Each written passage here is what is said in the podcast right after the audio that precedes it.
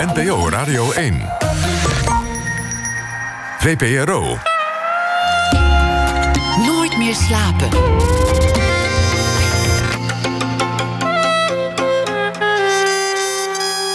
Met Pieter van der Wielen. Goedenacht en welkom bij Nooit meer slapen. Dichter en schrijver F. Starik sluit de dag af met een verhaal over 31 oktober 2016 dat hij voor zal dragen na ene. Dan hoort u ook het verhaal van de arts die in zijn vrije tijd componeerde en van wie de composities nu door beroemde orkesten over de hele wereld worden gespeeld. En dat allemaal dankzij één van zijn patiënten. We beginnen met Katinka Simonsen. Waarschuwing, de schrijver van dit boek is een kunstenaar, is de titel van een boek met onder meer al haar columns. En een waarschuwing, die waarschuwing die uh, was een persiflage op het commentaar van de ombudsman van Trouw, het dagblad waar de columns in verschenen. En die zei: Ja, dit is niet zomaar een columniste, dit is een kunstenaar aan het woord. Tinkerbell. Opererend onder die naam is Simonsen wel gewend aan enige controverse volgens haar eigen website. Tinkerbell provoceert om de blinde vlekken van de samenleving bloot te leggen. In 2004 werd ze op slag wereldberoemd en berucht toen ze een handtas had laten maken of zelf gemaakt van haar depressieve kat. De woede die dat losmaakte bij de menigte inspireerde haar tot een boek, Dear Tinkerbell, waarin ze de identiteit van haar haters blootlegde. Sindsdien heeft ze nog veel meer gedaan dat de publiciteit haalde. Ze nam het op voor vluchtelingen die ze tentoonstelden als kunstwerk onder meer. Ze vloog terug uit Bangladesh met in haar rugtas menselijke resten gevonden in het puin van het ingestorte Rana Plaza. Ze nam het op voor de uitgezette Afghaanse familie Amiri en vandaag kondigt ze haar betrokkenheid aan bij een nieuwe actie. Een uh, performance-achtig iets rond vluchtelingen, waarover straks meer. Tinkerbell, kortom, wil de wereld redden. Katinka Simonsen, geboren in 1979 in Goes. Haar vader werkte als stoffeerder, haar moeder werkte in een kinderdagverblijf. Ze studeerde design en ontwerpen in onder meer Antwerpen en Tilburg. Tinkerbell, welkom. Dank je. Wat een mooie introductie. Zo. Ja. Nou, dat, um, je schrijft in je boek dat je, dat je ooit voor het eerst op de gedachte kwam dat je kunstenaar zou kunnen worden. Daar hoorde ook een beeld bij dat je dan in de duinen zou staan met een ezel en uh, Ja, dat een me echt helemaal zo hoorde, toch? Ja, ik dacht ook dat ik een zwarte poncho zou dragen dan. En een pijp. Uh, geen pijp, nee. Maar wel in de duinen, in, bij Zoutelanden had ik het bedacht. En dat ik dan dingen zou maken die iedereen natuurlijk zou kopen. en toen, ja, nou, nou, de, de wereld werkt anders dan toen ik zeg maar klein was en dit bedacht. Je bent kunstenaar geworden, maar het is anders gelopen. Ontberingen en uh, gebrek aan geld, controverses, uh, haat en rancune, alles heb je over je heen gekregen. Is het waard? Poeh, ja, ja, ja, eigenlijk wel. Ja, het, het, het, het, vak kunstenaar is gewoon iets anders dan dat ik als klein kind dacht. Maar totdat ik naar de kunstacademie ging, was ik nog nooit in een museum of in een galerie geweest, dus wist ik veel. En ik dacht gewoon, een kunstenaar is iemand die mooie dingen mag maken. En ik maakte altijd graag mooie dingen. En dat leek me heel leuk. Maar ja, een kunstenaar is een verhalenverteller. En mooie dingen maken is niet altijd per definitie de beste manier om een verhaal te vertellen. Sterker nog, meestal is dat in mijn geval niet de beste manier. Wanneer is het geslaagd? Als het verhaal uh, gecommuniceerd wordt. Dus als, als, ja, als het verhaal goed verteld wordt. Als mensen praten over wat jij op de agenda wilde zetten? Nou ja, als, als dat het verhaal is wat ik wil vertellen, dan wel, ja. Laten we teruggaan naar het begin. Want thuis was geen kunst. Je werd niet meegenomen naar het museum. Je vader werkte als stoffeerder. Vind, ik ook een mooi, mooi beroep. Ja, dat is het ook, ja. Wat, wat was het voor omgeving? Waar ben je opgegroeid? Um, nou, waar ben ik opgegroeid? Um, ja, ik was altijd een beetje buitenbeentje wel, maar altijd heel erg dingen aan het maken. Een beetje Einzelganger, waar ik me eigenlijk niet zo van bewust was. Uh, maar achteraf hoor ik wel, als ik mensen van vroeger spreek, dat ik altijd een beetje anders en nou ja, mensen noemen het al raar was of zo. Maar ik was wel heel erg in mezelf en ik wist heel goed wat ik wilde. En dat deed ik ook zonder me iets aan te trekken van wat mensen daarvan zouden vinden. Dus ik, ik ging, uh, ik, uh, ik, ja, ik trok mijn eigen plan. Waaruit bleek dat? Nou ja, toen bleek dat voor mij nergens uit. Want ik had dat niet in de gaten. Ik dacht, denk ik, nou, ik dacht er eigenlijk niet over na. Maar uh, ik ging ervan uit dat iedereen dat deed. Maar ja, dan word je ouder en dan kun je, heb je wat meer overzichtig. Maar en dan spreek je met andere mensen over hoe dingen waren. En dan blijkt dat ik toch een van de weinigen was die gewoon de eigen ding deed zonder zich druk te maken over wat anderen daarvan vonden. Dus ik, uh, toen al? Ja, toen al, ja. ja. Met je vader heb je nooit goed kunnen opschieten. Dat, dat heb je in je eerste boek beschreven. Ja. Dat, dat, dat jullie relatie eigenlijk nooit helemaal van de grond is gekomen. Dat klopt. Mijn vader is een, uh, is een hele nare, agressieve man. Ja. Meen je dat? Ja, dat meen ik. Ja. ja. En, wat, uh, wat is er zo naar aan hem? Nou, mijn vader zal niet snel een hele alinea uitspreken zonder daarin te liegen. Dat is heel vervelend, want dat betekent dat je iemand niet kunt vertrouwen. En hij uh, kan behoorlijk gewelddadig zijn. En dat is ook niet fijn. Dus ja, en dat is zeg maar uh, to start with. Heeft hij wel eens geslagen? Hij heeft mij heel vaak geslagen. Ja. Wat ik eigenlijk, uh, dat, eigenlijk was ik blij als hij dat deed, want dan kreeg ik blauwe plekken. Dan kon ik tenminste laten zien dat het een nare man was. Dus het was veel erger wat hij zei. Zij, voor zover ik me herinner, de dag begon ongeveer met dat mijn vader me vertelde hoe dom en hoe lelijk ik was en hoe erg ik niet had mogen bestaan, nooit geboren had mogen worden en zo. En dat is eigenlijk altijd zo geweest. Dit is, dit is ook meteen vanaf het begin zo? Of is er een tijd geweest dat het wel leuk was? Nou, mijn eerste jeugdherinnering is zo. En toen was ik vier.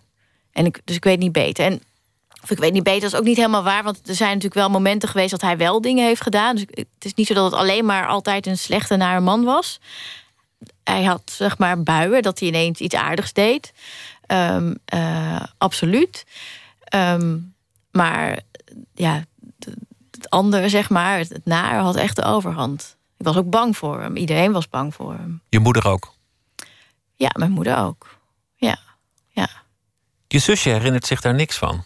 Heeft ze wel eens ergens zich laten ontvallen? Nou, mijn zusje heeft, heeft een andere band met mijn vader. Dus, dus ik heb ook nog een broertje en een zusje. En ik was echt degene die er niet had moeten zijn. En mijn zusje was fantastisch. Dus zij werd heel erg uh, opgehemeld. En toen ik op een gegeven moment uh, 16 was geworden en uit huis ging... dus ik ging daar ook, ook heel vroeg uit huis... nam eigenlijk mijn broertje mijn rol over. Dus was hij zeg maar degene die alles fout deed. En als ik dan wel eens terugkwam, dan nam ik het voor hem op. Maar mijn zusje werd altijd wel een soort van beschermd. Zij, zij was namelijk wel slim en zij was knap. En zij, nou ja, gewoon.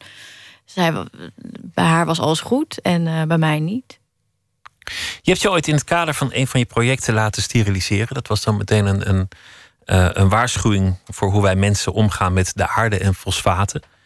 Zat er misschien ook achter de gedachte van, nou, laat, laat ik maar geen moeder worden, want ik heb geen prettige voorbeelden? Nou, ik heb wel altijd gezegd dat ik waarschijnlijk nooit kinderen wilde, omdat ik bang was dat ik op mijn vader zou lijken. Um, maar dat was niet de reden voor de sterilisatie. Dus de, de sterilisatie was echt onderdeel van een, van een project. Hè, een film die ik maakte, Save Our Children, die, uh, waarin ik eigenlijk onderzoek of het fosfaatprobleem echt bestaat. En het fosfaatprobleem is probleem van oprakend fosfaat. Als, en, en fosfaat is iets wat nodig is voor elk levend iets. Dus er bestaat geen plant of geen dier of niets uh, levend zonder fosfaat en het raakt op. Dus dat is behoorlijk problematisch. Um, ik dacht dat dat niet echt op zou raken. Ik dacht dat dat een fabeltje was of een soort doemscenario. Dus ik ging dat onderzoeken. Het blijkt wel echt op te gaan en het blijkt ook snel op te gaan. Ik, ik schat dat binnen een jaar of tien dat fosfaat zo schaars wordt dat het een stuk duurder gaat worden, waardoor voedselprijzen omhoog zullen gaan. Zoals heel veel dingen opraken op planeet Aarde. De hele klopt. planeet raakt zo'n beetje op. Dat klopt, maar fosfaat opraken is ongeveer hetzelfde als zuurstof opraken.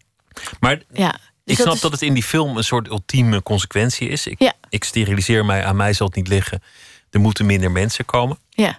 Maar niemand laat zich werkelijk steriliseren uit angst voor fosfaten. Daar, daar moet ook een persoonlijke afweging achter zitten over de vraag of je kinderen wil of niet. Nee, nee. Dus het was echt dat ik dacht: oké, okay, als ik nu wil communiceren dat dit probleem echt zo groot is, dan moet ik ook de uiterste consequentie daarvan aanvaarden. En dat, dat, dat is het niet kunnen krijgen van kinderen, want dat is de uiterste consequentie. We kunnen... Wist je al dat je kinderen wilde of niet?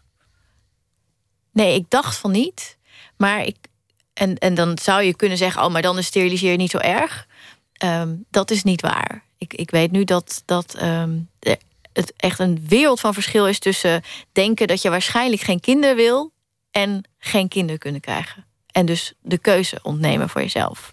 Dat is echt, dat is niet met elkaar te vergelijken. Dus in zekere zin heb je ook spijt van die beslissing? Misschien? Nee, ik heb geen spijt van die beslissing. Ik vind het heel erg dat ik die beslissing heb moeten nemen, omdat ik ook geloof dat, dat de situatie in de wereld zo erg is dat een kind op de wereld zetten niet anders kan zijn voor mij dan een egoïstische daad. Maar als je met twee mensen twee kinderen maakt, dan zit je netjes op de vervangingsgraad. Dan heb je op zich geen schade toegevoegd. In theorie, maar we worden steeds ouder en we gaan steeds meer consumeren. Dus dat is niet meer waar. Je was bang dat je op je vader zou lijken. Is, is de reden om dat aan te nemen, dat je op hem lijkt? Ja, want uh, ik heb zijn genen. Dus dat. Maar goed, je kent zijn karakter, je kent je eigen karakter, dus je, die weet of je op hem lijkt. Ja, nou ja, ik heb ook zeker eigenschappen van mijn vader. En, um, en ik uh, heb al vanaf kind af aan dat heel erg geprobeerd dat te onderdrukken. Maar ik, uh, ja, ik, af en toe dan hoor ik mezelf wel praten en denk, oh, ding, hou je mond. Dit had je vader kunnen zeggen. Dat, dat is wel zo. En dat vind ik dan heel naar. Want je, hebt, je hebt niet zo'n leuk beeld van hem. Je noemde hem een, een agressieve leugenaar. Ja, ja, dus ja, en dat klopt. En um, uh, nou ja, uh, ik, ik weet wel dat ik als kind zeg maar heel snel de neiging had om ook ergens op los te gaan slaan. En ik weet ook dat ik als kind al mezelf daarvan bewust was en dat niet wilde doen. Dus het ook niet ging doen. Dat soort van bevecht in mezelf. Dus dat zal ik ook niet zo snel doen. Maar ik voel wel die drang. Dus, dat, dus het is een soort, ja, een soort innerlijk gevecht. Um, en uh, ja, dat liegen, wat hij dus echt de hele tijd doet. Um, ik heb echt een aversie tegen liegen. Dus, dus dat, daar moet je ook niet bij me mee aankomen. Maar en ik heb heel erg een neiging, nee, wat we allemaal wel eens doen, zeg maar, dat je uh, bij wijze van spreken, als je een vis vangt, dat je hem altijd iets groter voordoet dan dat hij was. Ik, dat doe ik, dat heb ik ook. Maar ik zal er dan altijd op terugkomen. Van, oh nee, nee, het was toch een centimeter kleiner misschien. Het was, ik heb nu overdreven. Dus ik kom er dan heel snel op terug, omdat ik mezelf absoluut uh, niet wil betrappen op een leugen of op een overdrijving of, of iets wat niet waar is. Over wat voor dingen loog je vader eigenlijk? Oh, mijn vader liegt over ongeveer alles. Over. over ik, ik, kan eigenlijk niet iets bedenken waar hij niet over liegt. En, en het, is ook, het is heel ingewikkeld, omdat op een gegeven moment weet je ook niet meer wat waar is, wat iemand zegt. Dus die, ja, um, alles. Alles. Nou, dat is best veel. Je bent weggegaan op je, op je zestiende. Het, het klinkt een beetje als, als een eenzame jeugd. Dat je een beetje een buitenbeentje was op school. En, en dat je thuis niet, uh, niet gewaardeerd werd. Ja. En dat, dat je op je zestiende moest maken dat je wegkwam. Ja, ja en toch heb ik me niet... Ja, ik... Um, me nooit echt eenzaam gevoeld of zo. Ik had altijd wel heel veel vrienden. Uh, maar ik kan ook... En ik kan heel goed alleen zijn. Ik heb het ook nodig om veel alleen te zijn. Ik kan me wel af en toe alleen voelen in mijn werk maar. Dus, dus ik, ik, werk wel vaak samen met mensen. Dus in projecten heb ik samenwerkingen nodig, omdat ik niet alles in mijn eentje kan. Maar uiteindelijk ben ik altijd degene die het initiatief neemt en die de consequenties draagt. Dus dat, en dat doe je in je eentje. Dus ook weet ik het, als je al die haat en dreigmail krijgt, die krijg ik en niet de mensen met wie ik werk. En uh, ik ben degene die zich laat steriliseren. Er zijn allemaal mensen om me heen die er dan, weet ik het, bij zijn of, of uh, helpen in het hele proces. Maar ik moet het zelf in mijn eentje doen en verwerken en, en alles. En dat is wel eenzaam, maar niet in de zin dat ik. Ja, ik ben iemand die altijd veel vrienden om zich heen verzamelde. Toen al als kind en nu nog steeds. Dus ik heb wel een soort van mijn eigen familie gecreëerd. Ik, ik, ik heb het zelf altijd over het verzamelen van goed gelukte mensen. En dus ook uh, vorige week was mijn boekpresentatie. En um, ik kreeg overdag best wel wat afmeldingen van vrienden. Dat ik dacht, shit, er is straks niemand. En toen was ineens die zaal helemaal vol. En ik dacht, wauw, wat, het is een zaal vol goed gelukte mensen. Die komen allemaal voor mij. En die zijn allemaal, ik ken ze allemaal heel goed. En het zijn allemaal fantastisch. En uh, wat ken ik er toch veel. En wat bestaan er toch veel. En wat fijn. Dus, dus dat heb ik ook heel erg. Ben je goed in relaties? Is dat, is dat gelukt om, om oh. lange relaties aan te gaan en mensen uh, vast te houden? Um, um, ja en nee. Uh, wel in vriendschappen. Niet in zeg maar liefdesrelaties. Ik, hoewel, ik ben wel getrouwd geweest. Wat ik op zich. En, en toch zes en een half jaar samen geweest met mijn ex-man. Wat ik toch wel lang vind. Um, ja, vind ik ook wel lang. Ja, vind ik best wel lang. Ja, ja, best een poos. Ja, maar dat was dan ook wel. Dat was het dan ook. ja. Nee, ik, ik volgens mij. Het is niet dat ik dat dan per se niet wil, maar ik geloof wel dat ik er uiteindelijk heel erg onhandig in ben. En dat dat misschien vooral komt omdat mijn werk altijd toch het belangrijkste is. Want daar leef je uiteindelijk voor. Je, ja. je werk zal altijd voorgaan en zal altijd alle tijd opslokken. Ja, ja, ja. of alle tijd op slok. Ik, ben, ik kan best wel tijd maken voor iemand, maar uiteindelijk is dat wel echt het belangrijkste. Ja. Je had op een dag een beeld van een kunstenaar staand in de duinen, mooie dingen maken. En, en op een zeker ogenblik ben je ook naar een kunstacademie gegaan. Wanneer kwam dit op je pad? Wanneer wist je dat dit soort kunst, het vertellen van verhalen noem je het net, dat dat jouw bestaan zou worden? Hmm. Nou, ja, dat heeft wel een paar jaar geduurd. Ik heb vier verschillende academies gedaan, ongeveer tien jaar. Ik denk ergens. Ik ben in Antwerpen begonnen, ben ik naar Tilburg gegaan. Uh, oh nee, tussendoor nog naar Boksel, sorry. In Tilburg uh, denk ik dat ik ergens geconfronteerd werd met het werk van Sophie Kal.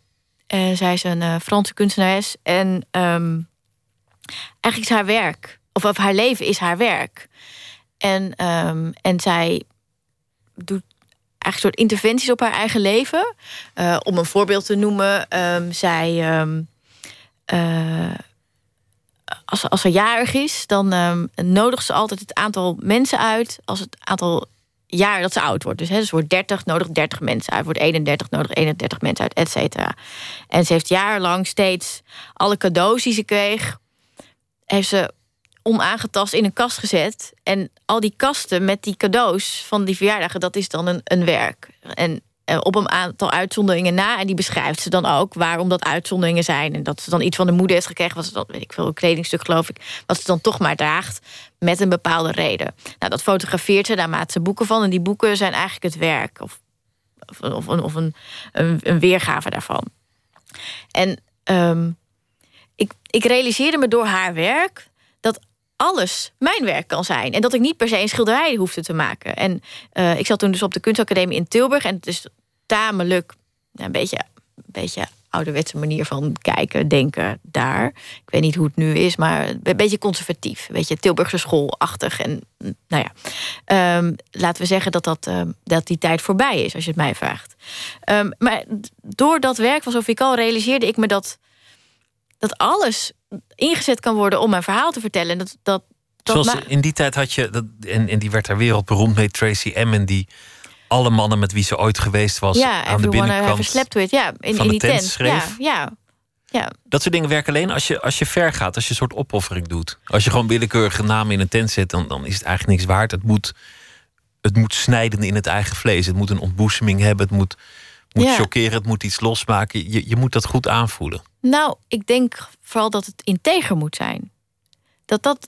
eh, ik weet eigenlijk niet meer met wie het was, maar een tijdje geleden had ik een gesprek met iemand over wat zijn nou goede kunstenaars in. En die kwam met een, met een lijst met namen. En ik was echt soort van aan het. alsof je aan het. Aan, aan het Tinder bent, aan het schuiven, zeg maar. En ik schoof ze allemaal naar links. Niet integer, niet integer, niet integer, niet integer. Want je vindt niemand integer. Nou, niet zoveel. En, maar, en dat is volgens mij is de kern, is, is toch integriteit. En dat, dat betekent dat je dus geen concessies doet. En dat betekent dat je volkomen eerlijk bent. En ja, en dus eh, ja, wat, je moet doen, dat moet je doen. En, dat, ja, en als je dat dan niet doet, dan is het dus niet meer echt of niet meer integer. En dan, ja, dan, en, of een afgezwakte versie. En dat is dus nooit goed of sterk. En er zijn niet zoveel mensen of kunstenaars die dat doen. En ehm, ik denk dat eh, Tracy Annum, nou tegenwoordig niet meer zo, maar eh, toen ze zeg maar hè, de Turner Prize won in die tijd, dat ze dat wel deed. En eh, nou ja, Sophie Kal ook. Dus, en dat maakt ook dat dit soort mensen, ja, en, en dan dat geldt ook voor mijzelf, dat dat je moet voorzichtig zijn om daar bevriend mee te zijn of daar een relatie mee aan te gaan, want ze zijn integer naar hun werk. En want daar, daar kunnen geen concessies in gedaan worden. Dus ik, als ik nu, weet ik, morgenochtend wakker word en iets moet doen wat heel naar is voor mijn beste vrienden, dan is dat dus heel naar voor mijn beste vrienden. Maar ik, dan kon ik niet anders. Maar is, is dat ook hoe ik het moet zien dat je, dat je je in het kader van een werk laat steriliseren, terwijl je eigenlijk niet zeker weet of je wel kinderen wil of niet? Dat je misschien later een soort melancholie hebt van shit, wat is me gebeurd? Ja. Ik kan niet meer terug. Ja. Ik, ik, ik, ik zit hiermee, ik vind het geen fijn gevoel. Maar voor jezelf zou je niet integer zijn geweest als je niet die conse- consequentie had Ja, getrokken. dat klopt. Ja, dus het is dus niet een keuzemoment. De, de enige afweging die er is, is... is dit de beste manier om dit verhaal te vertellen? Als het antwoord ja is, dan moet dat dus. Maar dit gaat al tamelijk ver, vind ik. Je- Jezelf steriliseren. De, Ja, volgende stap zou zijn: red de ijsbeer, spring van de wolkenkrabber. Ik weet niet hoe de ijsbeer daarmee gered nee, maar is. ik bedoel, maar, je, nou ja, had ook het kunnen zeggen wel- zelfdoding is de het moet wel zijn doel dienen. Dus hè, mensen vragen mij soms van... oh, zou je bijvoorbeeld... eh, dat is al in het kader van... eh, ik heb ooit een tas van mijn eigen kat gemaakt. ehm, zou je een mens doden? Dat is, en dan... Het vind ik dan een hele gekke vraag. Want wa- welk doel dient het om een mens te doden? Dus het moet wel een doel dienen. En, en wat is het doel steeds in de dingen die ik doe? En dat is geldende normen laten zien. En frictie binnen die normen eh, aantonen. Maar, maar welk doel dient het om jezelf te steriliseren? Nou ja, om, om de norm of om een realiteit te laten zien. De realiteit is, er is geen ruimte meer voor nog meer mensen. We zijn met te veel. Het eten raakt op, de grondstoffen raken op. Dit is de consequentie. Er is geen ruimte meer. Dus van alle nare dingen die mensen tegen jou zouden kunnen zeggen, en er zijn er nogal wat geweest door de jaren heen, zou het ergste zijn als iemand zou zeggen: je bent niet integer, je bent niet eerlijk. Ja, dat zou het Dat is voor jou het belangrijkste. Ja, ja, dat klopt. Laten we zo verder praten, maar eerst gaan luisteren naar Nick Cave, want hij heeft een album. En we gaan luisteren naar eh, het nummer Rings of Saturn.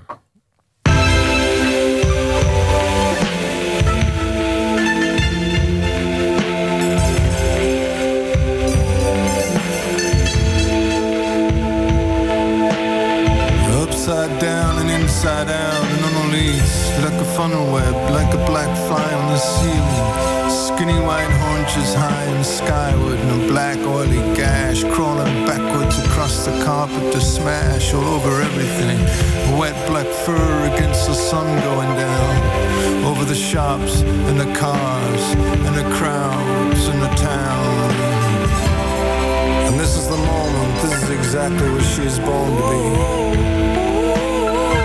Now this is what she does, and this is what she is. This is the moment, this is exactly what she was born to be. This is what she does, and this is what she is.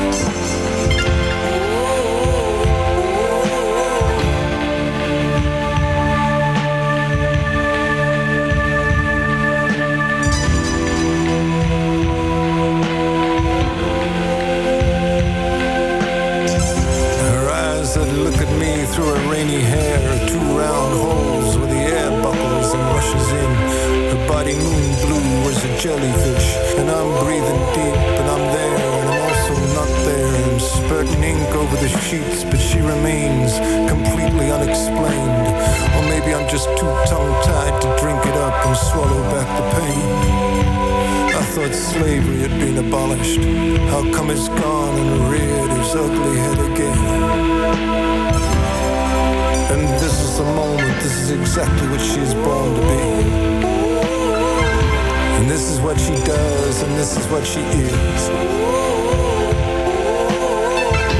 And this is the moment, this is exactly what she is born to be. This is what she is, and this is what she does.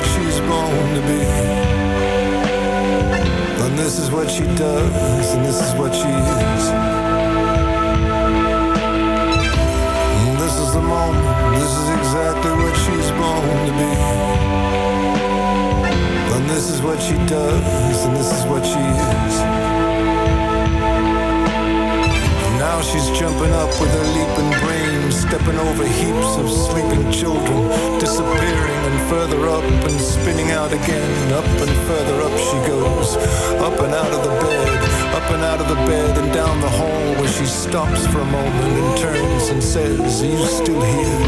And then reaches high and dangles herself like a child's dream from the ring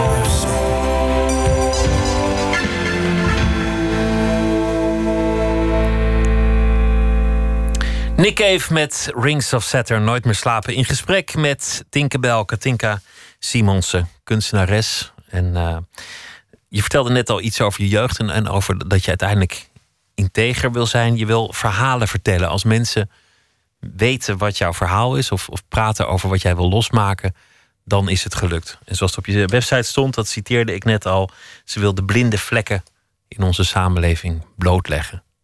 Yes, dat klopt. De kat, die zal je je leven lang achtervolgen, ook al is die al heel lang niet meer onder ons. Ja. Hoe heb je het gedaan eigenlijk?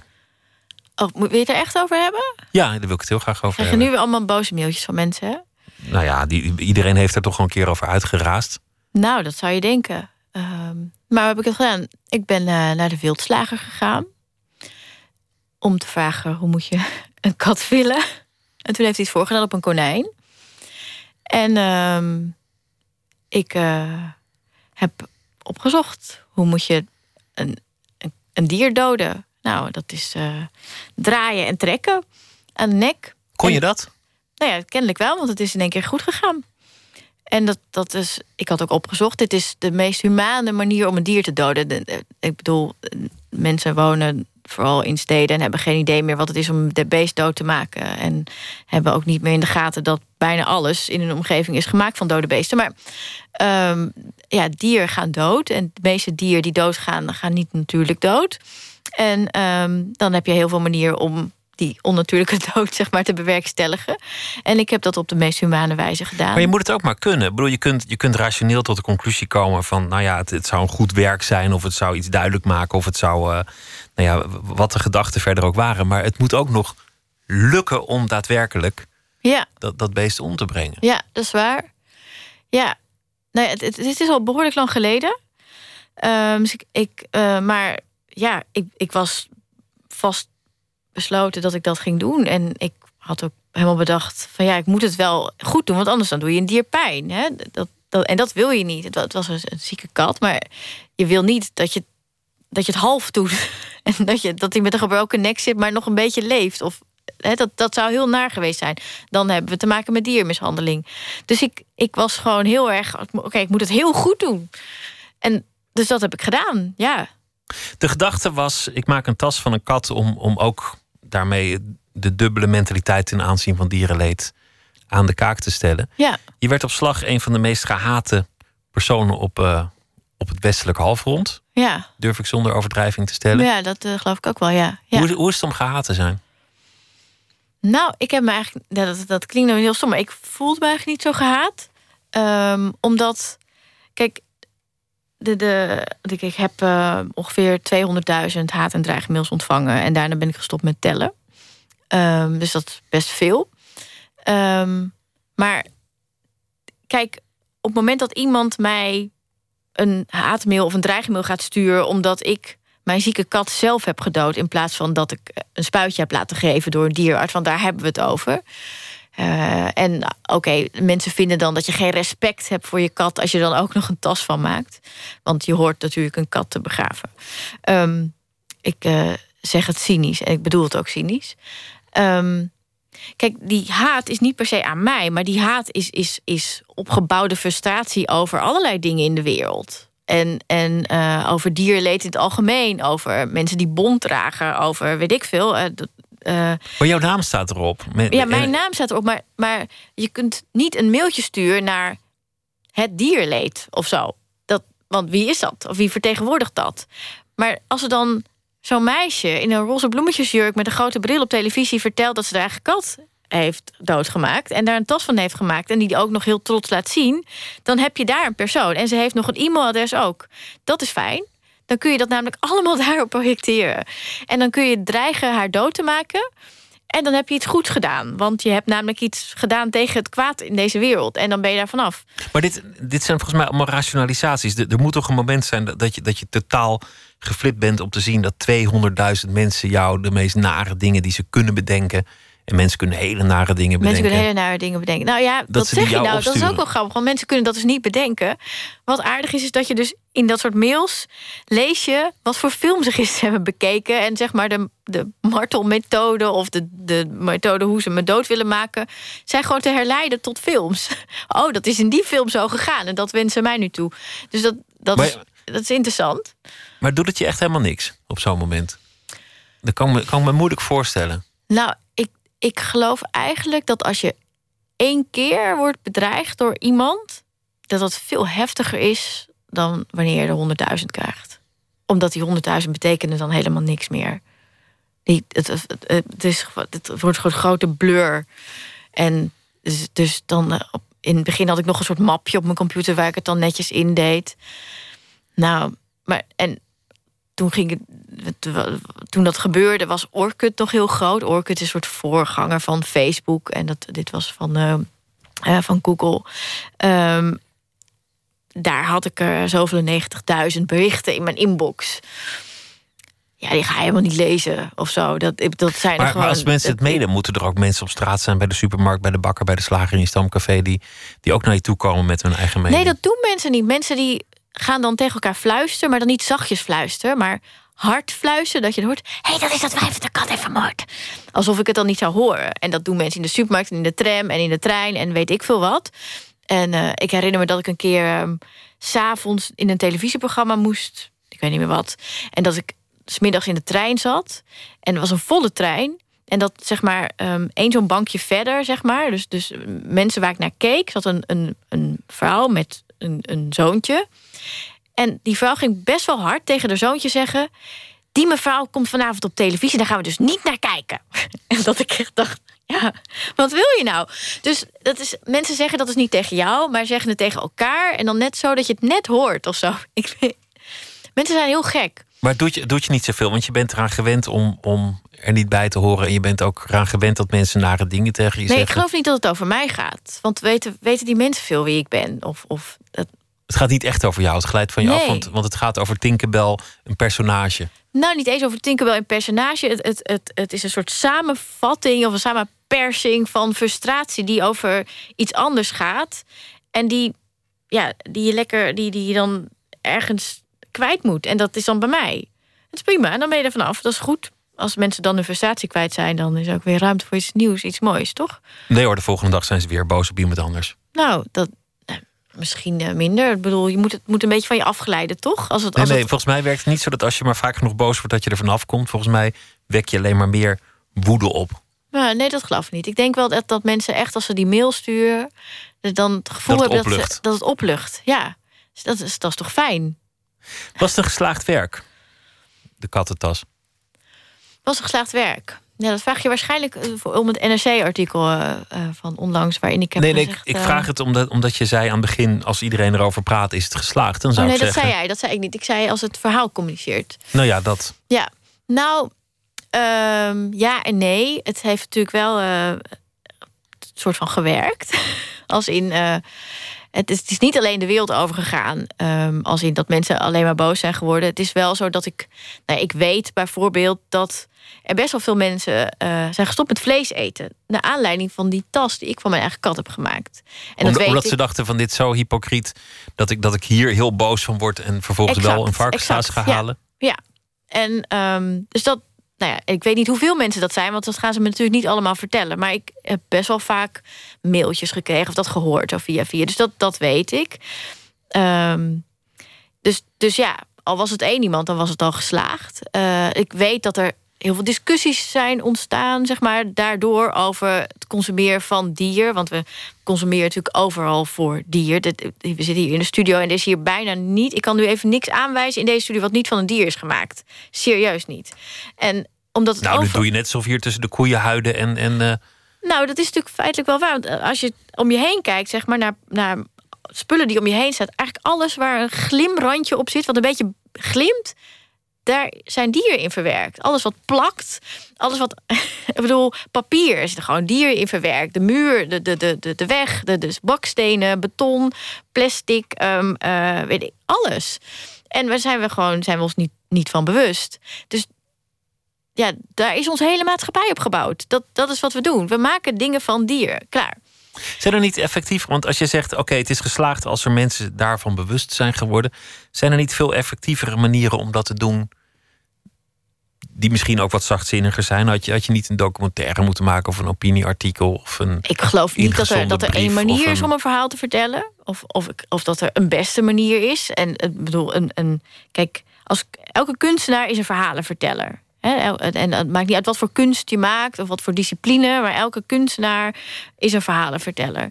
En, maar de, de beste manier voor jou als kunstenaar om een verhaal te vertellen, moet ook het beste voor jou zijn. Dus moet ook bij jou passen. Zeg maar, dit was voor mij de beste manier en het heeft gewerkt. Er zijn heel veel mensen anders gaan kijken naar producten die we maken van dieren. Ehm, kijk, utopisch zou zijn dat iedereen dat zou doen, maar een utopie heet niet voor niets een utopie. Dat gaat, dat, dat bestaat je, niet. Wanneer noem je het geen kunst meer en is het gewoon actie voeren? Nou, ik denk dat het, het verschil tussen wat, wat ik doe en wat nou ja, een willekeurige activist doet, is een activist zal altijd zeggen dat jij of jullie het verkeerd doen. Maar de activist zelf doet het natuurlijk goed, die heeft de waarheid in pacht. En wat ik doe, is dat ik de norm bestudeer en daar eigenlijk errors uit filter. En zeg: Goh, hier doen wij toch wel hele rare dingen. Misschien moeten we daar nog een keer naar kijken. En dat is wel een wezenlijk verschil. Want ik, ik ben dus. Ik, Je betrekt het op jezelf. Je zet jezelf niet op een voetstuk van ik ben beter dan. Nee, het dan weer een, oh, ik, ik bedoel, ja, ik doe dit ook. Laten we het hebben over een aantal dingen die, die je daarna hebt gedaan. Want die, want die kat is natuurlijk ook uh, nou ja, zo'n duizend jaar geleden. Je hebt, je hebt ontzettend veel dingen gedaan. Uh, je bent de laatste tijd heel erg bezig met vluchtelingen. Op allerlei manieren. Ja. Dat, dat, dat grijpt je aan. Hoe maak je daar vervolgens kunst van? Hoe, hoe doe je dat? Wat is nou een project dat je zelf geslaagd vond? Um, eigenlijk zijn allemaal projecten geslaagd. maar, Zo, nou, lekker, ja, lekker gevoel. Lekker gevoel, ja. precies. Ja.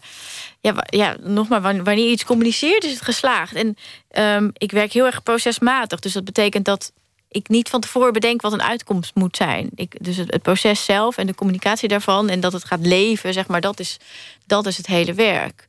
Maar um, ik, ik kan nu niet zeggen dat het geslaagd, want ik ben er nog mee bezig. Maar waar ik al bijna twee jaar aan werk, is het hele uh, project wat ik ben gestart met de uitzetting van Veda Amiri op 5 januari 2015. Um, hebben veel mensen vast gevolgd in het nieuws. Dat is een Afghaanse man die was al 18 jaar met zijn gezin in Nederland en werd uh, uitgezet op verdenking van oorlogsmisdaden uh, op 5 januari 2015. En um, ik ben me daar uh, om dat verhaal gaan bekommeren. Omdat ik hoorde dat hij werd uitgezet zonder dat hij zijn gezin gedag mocht zeggen. Maar belangrijker, hij werd verdacht van oorlogsmisdaden, maar had nooit een individueel proces gehad. En niemand had zich ooit verdiept in zijn geschiedenis. En dat vindt toen nog wat, want je verdenkt iemand van iets, nou, iets ergens kun je volgens mij niet doen.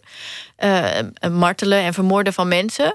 Um, maar niemand heeft ooit onderzocht wat zijn persoonlijke plaats was daarin of zo. Of, en, en, terwijl hij zelf altijd heeft gezegd dat hij onschuldig was. Je, je bent hem nagereisd naar Afghanistan. Je hebt, je hebt publiciteit opgezocht, ja. want, want daar heb jij toegang toe. En niet iedereen heeft dat zomaar. Je hebt aandacht gevraagd voor, voor dit verhaal. Ja. Je vond het onrechtvaardig. Een van de dingen in dat verhaal was dat hij door de marechaussee mishandeld zou zijn. Ja. En dat hij daardoor gewond in Afghanistan zou zijn aangekomen. Ja, hij is, hij, is, uh, hij, is, hij is uitgezet en daarna hoorden zijn gezien helemaal niets van hem. Ze waren heel erg ongerust. En uh, ook Afghanistan is niet heel erg ongevaarlijk. Um, en uh, hij bleek inderdaad uh, tijdens zijn uitzetting, of eigenlijk voor de uitzetting, al door de marechaussee-medewerkers zo ernstig toegetakeld dat hij een, een, botje in zijn knie heeft gebroken. Weet je dat zeker dat het zo is gegaan? Ja, dat weet ik ondertussen zeker. Hoe weet je dat zo zeker? Omdat ik ook getuigen heb gehoord die dat hebben gezien. Want het is, het is een tamelijk flinke aantijging. Want dat, dat tast mensen in hun integriteit aan. Ja. Mensen die, die toch een moeilijk beroep hebben. Wat je er ook van vindt dat mensen worden uitgezet. Iemand moet het doen en dat is een, een moeilijk beroep. Ja. Democratisch is besloten dat dat moet gebeuren. Ja, met democratisch. Nou goed, daar heb ik ook wel eens op mijn kritiek. Maar goed, maar, die, die, mensen kunnen zich niet verdedigen tegen toch wel echt een zware aantijging. Namelijk dat ze iemand mishandelen wat onprofessioneel. Dat klopt, ja. En, en onwettig uh, is. Ja, daarom is het zo erg. En je weet zeker dat het zo is? Ja, 100% zeker. Steek mijn handen voor in het vuur. Dit is echt gebeurd. Ja. Ben je op dat moment nog een, een, een kunstenaar? Of ben je op dat moment een activist, een, een, een soort advocaat of een, een journalist? Nou ja, ik ben uh, hem gaan zoeken in Afghanistan. Of tenminste, hij was net gevonden voordat ik daarheen ging... door zijn dochter in het ziekenhuis. Hij was er toen al een aantal weken. En um, ik heb inderdaad daar in eerste instantie dingen vastgelegd. Uh, samen met de fotograaf en de cameraman. En uh, dat is ook inderdaad nieuws geworden overal. En daarna heb ik een film daarover gemaakt. Uh, dat onder andere te maken met dat lang verhaal, Omroep Brabant heeft een telefoongesprek met mij en nog twee anderen opgenomen en daar stukjes uitgeknipt, aan elkaar geplakt en dat gemonteerd tot een bericht wat nou ja, wat ze zelf hebben verzonnen. Ze hebben mij namelijk in de montage laten zeggen dat ik niet geloof dat die man daadwerkelijk was toegetakeld door de Muizezee. Dat werd weer een rechtszaak vervolgens. De, ik heb een rechtszaak aangespannen tegen Omroep Brabant. En uh, het heeft anderhalf jaar geduurd. Uh, ik ben 20.000 euro armer. Uh, maar ik heb gewonnen. Op alle gronden ben ik in het gelijk gesteld door de rechter. En um, Omroep Brabant heeft inderdaad uit een gesprek van anderhalf uur woorden geknipt en daar een eigen verhaal van gemaakt. Uh, wat onwaar is. En dat hebben ze uitgezonden als nieuws. En het is door alle nieuwszenders in Nederland is het overgenomen. En het heeft een paar weken de kranten gedomineerd. En dat heeft ook de geloofwaardigheid van het gezin en van mij in deze zaak. Uh, ja, daar, daarom zou ik zeggen, dit is eigenlijk, eigenlijk niet zo'n niet zo'n heel goed succes geweest. Want het heeft verwarring gezaaid. Ja. Het ging over jou, het ging over jouw integriteit, wat mensen van jou vinden. Ja. Je kunt je afvragen of de familie Amiri hierbij geholpen was. Nou, ja en nee, niet met Omroep Brabant, zeker niet. Um, wel Maar- met mij, maar- want hij was er nooit vandaag gekomen zonder mij. Ehm, dus dus eh, eh, hij is uit Afghanistan uit. Eh, ja, durf ik wel zeggen, dankzij mij. Ehm, en, en zijn dochter natuurlijk. Dus, dus in eerste instantie, dus hij is in veiligheid gebracht daardoor. Ehm, daarna, Maar had dat, had dat niet op een zachtzinnige manier zonder publiciteit, verwarring, rechtszaken, ophef? Nou, die rechtszaak tegen Omroep Brabant was eigenlijk nodig omdat... Hè, wat ik wilde, was een eerlijk proces voor hem toen. En op, op het moment dat we hem vonden en bleek dat hij inderdaad was toegetakeld... was daar heel veel eh, politieke aandacht voor ook. En ook ehm, eh, stonden mensen wel achter hem en geloofden dat verhaal. Maar door Omroep Brabant is dat gedraaid. Zijn kamervragen ook nooit meer beantwoord daarover. En verloor mens, verloren mensen de sympathie voor eh, dit gezin. Wat ik daarna ben gaan doen, ik ben zelf een onderzoek gestart. Eerst naar zijn persoonlijke geschiedenis, omdat ik dacht, nou, dat is nooit geda- gedaan. Wat is er nu misgegaan in de zaak Amiri? Nou, om te beginnen is er nooit onderzoek gedaan naar zijn achtergrond. En ik ben dan zelf heel benieuwd of het waar is wat hij zegt, namelijk dat hij onschuldig is. Nou, ik ben hem eh, achterna gereisd naar India en ik heb hem daar een aantal weken geïnterviewd. Ik ben zelf tot de conclusie gekomen dat ik geloof dat hij onschuldig is. Maar daar heb natuurlijk geen donder aan dat ik dat geloof. Want het, ja, dat, daar, heb, nou, daar kun je niks mee. Ik ben ook tot de conclusie gekomen dat ik dat wel aannemelijk zou kunnen maken met getuigen, maar niet zou kunnen bewijzen. Onschuld bewijzen is ook heel ingewikkeld. Ehm, Zoals jij ook overtuigd bent dat de marechaussee mishandeld heeft, maar geen aangifte hebt kunnen doen. Ehm, die aangifte die eh, had hij zelf moeten doen. Eh, en ik ben wel eh, bij de ombudsman geweest. En, maar hij moest daar zelf een formulier voor tekenen. Eh, de man was ondertussen zo psychisch zeg maar niet oké. en zijn gezin ook. Dat het ons niet is gelukt om die papier eh, op tijd te kunnen tekenen. Dus dat is verjaard, soort Laten, van. laten we niet helemaal in, in, in procedures. eh, Ik Nee. weet dat ik er zelf over ben begonnen, maar laten we niet daar helemaal Precies, ja. in, in, Oké, wat, heb ik, wat ik uiteindelijk eh, heb gedaan... Hè, eh, ik, ik, ik ben tot de conclusie gekomen... hij is volgens mij onschuldig. Ik kan het niet bewijzen, maar zelfs al zou ik onomstotelijk kunnen bewijzen... dat hij onschuldig is... Hè, en vanuitgaande dat hij dat is... dan nog is dat niet voldoende. Want er is namelijk een ambtsbericht opgemaakt in 2000... over eh, het communistische regime in Afghanistan... Ehm, en in dat ambtsbericht staat dat iedereen die voor de veiligheidsdiensten gaat waad heeft gewerkt tijdens die periode en ehm, promotie heeft gemaakt, daarvoor mensen heeft moeten martelen en vermoorden. En hij valt daaronder, want hij heeft voor die dienst gewerkt en hij heeft ook promotie gemaakt. Dus volgens het ambtsbericht is hij een oorlogsmisdadiger. Het controversiële aan dit ambtsbericht is dat het stelt dat er een roulatiesysteem was, waardoor iedereen mensen moest vermoorden en martelen. Het ding is dat Nederland het enige land is ter wereld wat gelooft dat dit waar is, dat daar een roulatiesysteem Maar- bestond. Nou was, laten, we, laten we even vijf stappen terug doen. Die kat, dat was nog een sterk statement. Ja. Iedereen gechoqueerd en stelt toch de vraag van... hé, hey, maar je eet wel biefstuk en, en je, je bent gechoqueerd... als iemand een, een tas van een kat maakt. Ja. Hypocriet die je daar bent. Hoe zit het hiermee? Want, want hier ontbreekt eigenlijk een sterk kunstwerk... of, of, nou ja, het is gewoon nog niet klaar. Er zijn eigenlijk twee dingen een- die, ik- die ik aan het doen ben. eh, of drie. Ik ga aantonen wat, waar, wat, het, wat de betekenis is van waarheid. Ehm, ik ga aantonen, en we zijn een heel eind... Ik, ik zou zeggen dat we bijna klaar zijn... dat het ambtsbericht niet klopt. En dat betekent feitelijk dat op basis van een ambtsbericht... ongeveer 800 Afghanen uh, al hun rechten zijn verloren sinds 2001. En een groot deel van deze Afghanen zal ook daadwerkelijk onschuldig zijn. Dat is het tweede. Um, en wat ik daar uiteindelijk van ga doen, ik maak een film um, die een soort manual moet worden, een handleiding. Uh, hoe kan jij in je eentje als individu uh, een willekeurig probleem aanpakken en oplossen? En in die manual is het probleem van Veda Amiri de casus. Hij heeft namelijk een. Maar nu ben je toch al lang activist geworden? Dit heeft toch niks meer met kunst te maken? Dat ligt eraan wat ik ervan maak. Dat is wel heel voorbarig. Ik maak, ik maak daar uiteindelijk... This work in progress. Ja, precies. Ik maak daar drie films van. Eentje is al klaar. Die is gewoon online eh, op mijn website. Tinkerweb komt te zien. Uh, en daar komen nog twee films uit. En nou, dan zijn we zeker, uh, weet ik het, twee jaar verder. En dan kunnen we verder praten over wat de artistieke... Oké, okay, laten we dat dan tegen die tijd doen. Wil je altijd de wereld redden? Want, want je, je, bent, je bent ontzettend begaan met, met heel veel dingen. Met, met vluchtelingen, met fosfaten met, met dierenleed. Ja. Ik kan, ik kan nog gewoon aan met, met uh, textiel. Allemaal dingen waar je, waar je mee begaan bent. Is, is het echt zo dat je de hele godganse dag de wereld wil redden? Ik vrees uh, dat ik, mijn antwoord uh, is ja. Ja, dat ben ik inderdaad de hele dag gaan doen. Ja. Maar dan moet je toch ook wel langzaam tot de conclusie zijn gekomen dat het eigenlijk onmogelijk is om, om in die zin de wereld te redden of, of een volkomen integer leven te leiden. Uh, in theorie natuurlijk niet. In theorie is dat niet onmogelijk. Uh, ik geloof namelijk dat als iedereen een beetje doet, dan is, er, dan is de wereld gered. Dus wat ik eigenlijk probeer, is mensen ertoe aan te zetten om dat kleine beetje op te pakken. En dan is het gelukt. Eigenlijk heel simpel. Het gaat er dus wel degelijk om dat, dat je mensen in gang ja. wil brengen. Om, ja. om... ja, als ik zeg ik ben de wereld aan het redden, dan bedoel ik niet in mijn, ik ga in mijn eentje dat even regelen en jullie doen maar lekker je ding. Um, dan bedoel ik eigenlijk, ik probeer het in gang te zetten, waardoor iedereen iets doet, waardoor de wereld is gered. En ik geloof dat dat kan. Ik zie ook uh, in het boek heb je heel veel knipsels verzameld. En dan, dan, heb je dingen onderstreept en aantekeningen. En dit is waar en dit is niet waar. En hier lult hij. En ook, ook ja. gewoon, gewoon dingen uit. uit je hebt het nu over Hans en Hartog Jager. Hij heeft een boek geschreven, Het Streven. Waarin hij eigenlijk stelt dat uh, uh, de kunstenaar in het algemeen niet lukt om uh, maatschappelijk of politieke impact te hebben.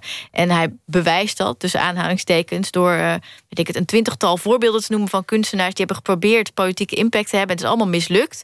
En dat is een bewijs dat het niemand is gelukt. En dat is natuurlijk totale nonsens. Ik vond het wel een wijs Dus betoog eh, van hem eigenlijk. Je vond het een wijs betoog van hem. Ja, ik vond het een verstandig betoog van hem. Dat, dat- dus met twintig voorbeelden bewijzen dat het nooit kan. En bedoel, Nou, ik vond, ik vond nou ja, laten we, niet, laten we niet die discussie aangaan. Maar ik vond het een verstandig betoog van hem. Dat, dat geëngageerde kunst eigenlijk binnen de muren van een museum blijft meestal. Nou ja, kunst niet het medium om de meestal, wereld dat, te maar hij- veranderen. dat zegt hij niet, hè? hij zegt altijd. En hij zegt ook dat het niet werkt. Dus dat, dat, dat er wel kunstenaars zijn die de ambitie hebben om, om, eh, om, om maatschappelijke problemen eh, eh, aan te pakken. Of om zelfs politieke impact te hebben. En hij zegt dat is nog nooit gelukt. Nou, ik heb zelf heb ik er eh, beleidswijzigingen doorgekregen in de Tweede Kamer. Middels mijn werk. Bijvoorbeeld door de film over fosfaat. Er is een beleidswijziging opgekomen. Dus ik ben zelf het bewijs.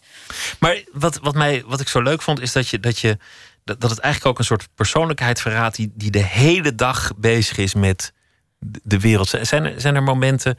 Oh, net staat ook in je boek trouwens. Dat je gewoon totaal flipt en naar, naar je psychiater aan, het Vondelpark race. Omdat je gewoon vastloopt daarin. Ja, dat was mijn vorige boek trouwens. Maar, ehm, eh, of misschien ook in deze, ik weet Nee, nee, vorige boek denk ik. Ja, dat klopt, ja. ja dat ik eh, een, eventjes bevestigd wil hebben dat ik eh, niet gek ben. En die bevestiging krijg ik tot nu toe steeds. Dus dat, ehm, ja. Hoe ziet, hoe ziet zo'n crisis eruit? Wat, wat is het moment dat je, dat je, dat je belt? Ik, ik kom er nu aan. Nou, het is eigenlijk is het maar één keer gebeurd dat ik dacht van ik, ik, ik, ik word echt helemaal gek. Of ik ben waarschijnlijk helemaal gek. En ehm, toen ehm, eh, ben ik naar mijn psychiater gegaan en die zei: Nee, nee, nee, eh, je bent niet gek. En, eh, ik had ook een burn-out. Die zei: Je hebt wat Arno Grunberg ook heeft. Dus toen vroeg ik: Komt hij hier ook? Daar gaf hij geen antwoord op. En wat, en wat heeft hij? Precies, dat was de volgende. Wat heeft Arno Grunberg dan? Nou, zei hij, Arno Grunberg die heeft de hele tijd ideeën. En die komen maar, en die komen maar, en die komen maar. En ja, daar moet hij wat mee doen. Want als hij dat niet doet, dan wordt die stapel met ideeën zo groot dat hij gek wordt. En dat heb jij ook. Dus je mag nooit stilzitten. Dus je moet door. Ja. een bijna obsessief leven. Hier gaat het om. Je zou ook, als ik een relatie zou hebben, dan zou degene met wie ik een relatie had op de tweede plaats komen. Ja. Mijn werk gaat voor. Ja. En jij moet dat in je eentje doen. Jij moet, moet de controverse, de haat, de rancune, dat moet je allemaal zelf dragen. En intussen ook nog al dat wereldleed erbij. Alles, ja. En nog steeds zo vrolijk. Ja, vrolijk, ben- vrolijk ben je wel. Maar ja, met, met wereldleed, ik denk ook van ja, god, mensen, mensen die eh, doen wat ze kunnen misschien. Of je moet Nou niet ja, dat is, slecht het, zijn. dat is het punt. Ik denk dat mensen doorgaans niet doen wat ze kunnen. En, eh, en terwijl het heel makkelijk is om te doen wat je kan. Want ik, ik propagandeer helemaal niet dat, dat mensen zo gaan leven zoals ik. Want de meeste mensen worden daar wel gek van. Ehm, maar ik, ik propagandeer dat je, dat je iets doet. En het maakt niet uit, pak iets op wat bij je past. En dat kan heel klein zijn. En eh, nou ja, ook die film die ik wil maken, die handleiding. Hoe kun je als individu een probleem oppakken en, en oplossen? Ehm, dat komt heel erg voort uit dat, dat, dat steeds meer mensen soort met een gevoel van machteloosheid naar het journaal kijken. Of, of niet eens meer de krant willen lezen, omdat het allemaal zoveel ellende is. En wat moet je ermee? Maar ik, ik geloof echt dat, het, dat iedereen van die bank af kan komen en iets kan fixen.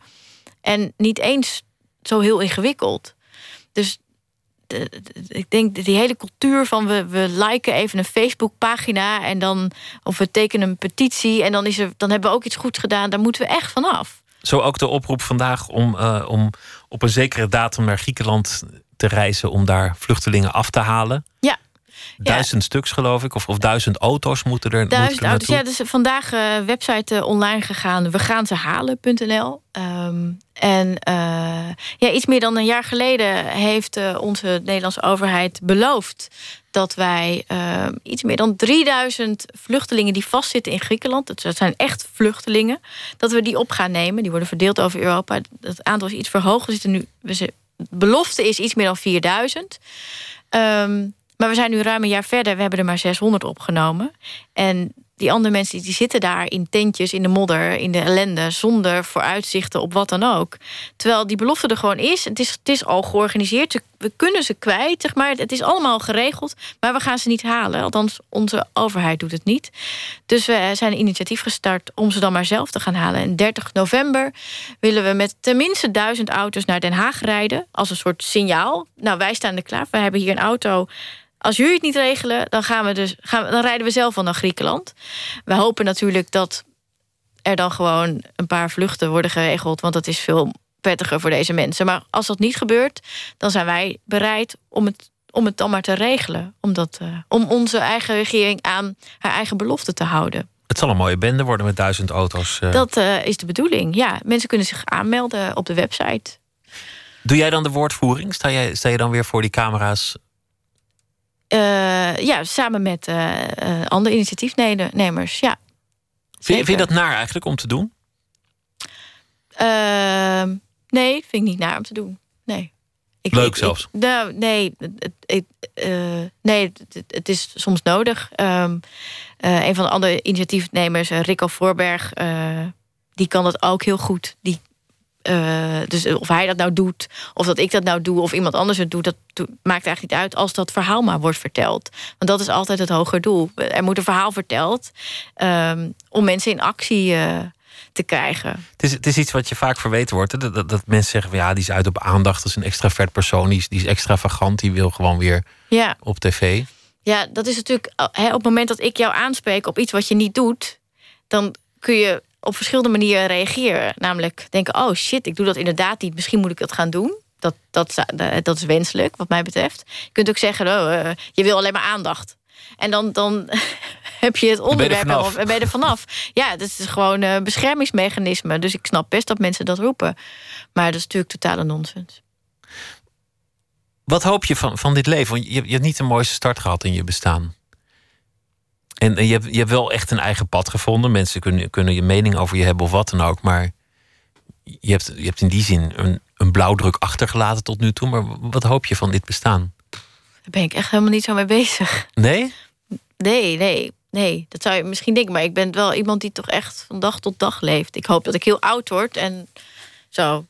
Maar en nog eens een keer ergens op een, bij een plek aan een strand kan wonen. Of zoiets dergelijks. Maar nee, ik, ik, ik, ik- nee ben ik ja, ik weet het niet. Gewoon doorgaan met de dingen die ik doe. Ik, mensen vragen wel eens van... Uh, wat zou je nog allemaal willen doen in je leven of zo? Of een top 10 plekken waar je nog naartoe wil. Of dingen, wishlist. Maar ik, ik snap dat nooit. Want ik, als ik iets wil, dan ga ik dat doen. Meteen? Ja. Dus ik heb niet zoiets van, wat wil je dan morgen? Dan, dan bedenk morgen bedenk ik wel weer iets. Maar vandaag heb ik alles gedaan wat ik wilde doen. Ik had gedacht dat je, dat, dat je wel een soort visie had over, over je hele leven. Als uiteindelijk een soort kunstwerk misschien. Of een, of een, of een soort oeuvre dat je dan hebt nagelaten. Of dat, dat je misschien ook dacht over een, over een soort staatsbegrafenis met een grote roze kist of zo. Of uh, dat, dat je oh daar allemaal gedachten over nee, had. Als ik, als ik later dood ben, wil ik graag 300 potloden worden. Ik heb ooit een keer gelezen dat als je een, een, een lichaam eh, verbrandt, zeg maar, eh, een crematie, dat wat dan van overblijft, kan je 300 potloden persen. Dat lijkt me mooi dan kun je weer nieuwe kunst maken van mij. Dat zou heel mooi zijn. Maar uh, dat, dat, dat duurt nog heel lang. Ik ben nog niet op de helft. Jezus, ik vraag me af of ik je echt heb leren kennen dit, dit afgelopen uur. Nee, dit was uh, just the beginning. Nou, ta tamelijk vermoeiend. Toch ook wel Oh, weer hoog in je energie zit je. En, uh, nou ja, Ja, en toch, toch wel slapen hierna. Je hebt je pyjama al aan. Dat Ja, is, precies, dat is vast gelukt. Ik wens ik je heel veel uh, succes en plezier. En uh, ik noem even het boek. Waarschuwing. De schrijver van dit boek is een kunstenaar. Dit boek bevat verhalen, plaatjes, voetnoten en nog wat dingen. Non-fictie. Tinke dank je wel. Yes. Zometeen gaan we verder met Nooit meer slapen. Met uh, onder meer F. Starik, die een verhaal maakt bij de voorbije dag. Twitter, het VPRO NMS. We zitten ook op uh, Facebook. En u kunt zich abonneren op de podcast via iTunes of de website van de VPRO. VPRO.nl slash Nooit meer slapen.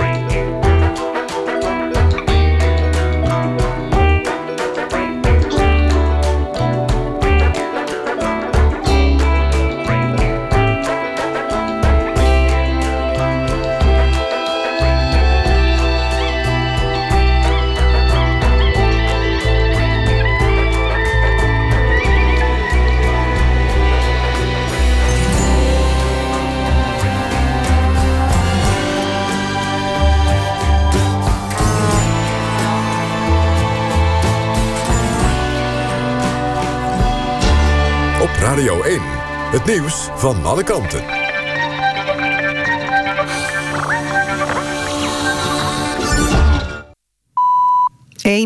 Anouk Thijssen met het NOS-journaal. Het uh, kantoor van de Verenigde Naties in het westen van de Syrische stad Aleppo... is zondag geraakt door een tankgranaat. De bovenste verdiepingen van het gebouw zijn beschadigd. In de verklaring van de Verenigde Naties staat niks over gewonden. Wie de aanval heeft uitgevoerd is niet duidelijk... maar volgens de VN weten alle partijen dat het om een gebouw van de organisatie gaat. Rebellengroepen die het oosten van de stad in handen hebben... zijn een offensief begonnen om de stadsdelen die in handen zijn van het leger te veroveren.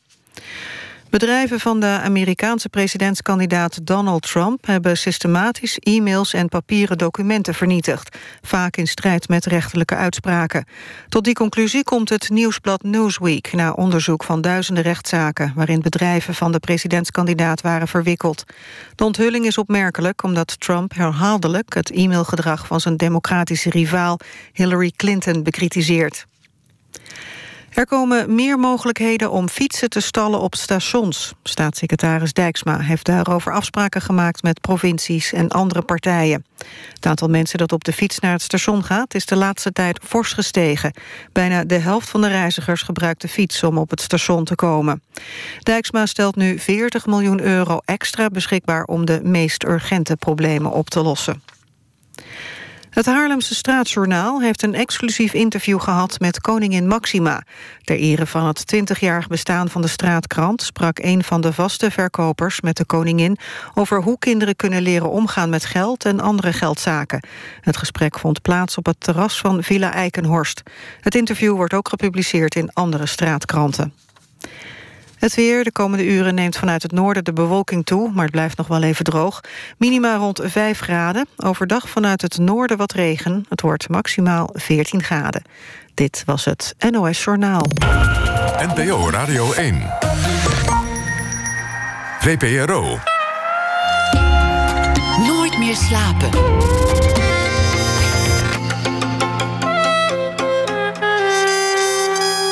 Met Pieter van der Wielen.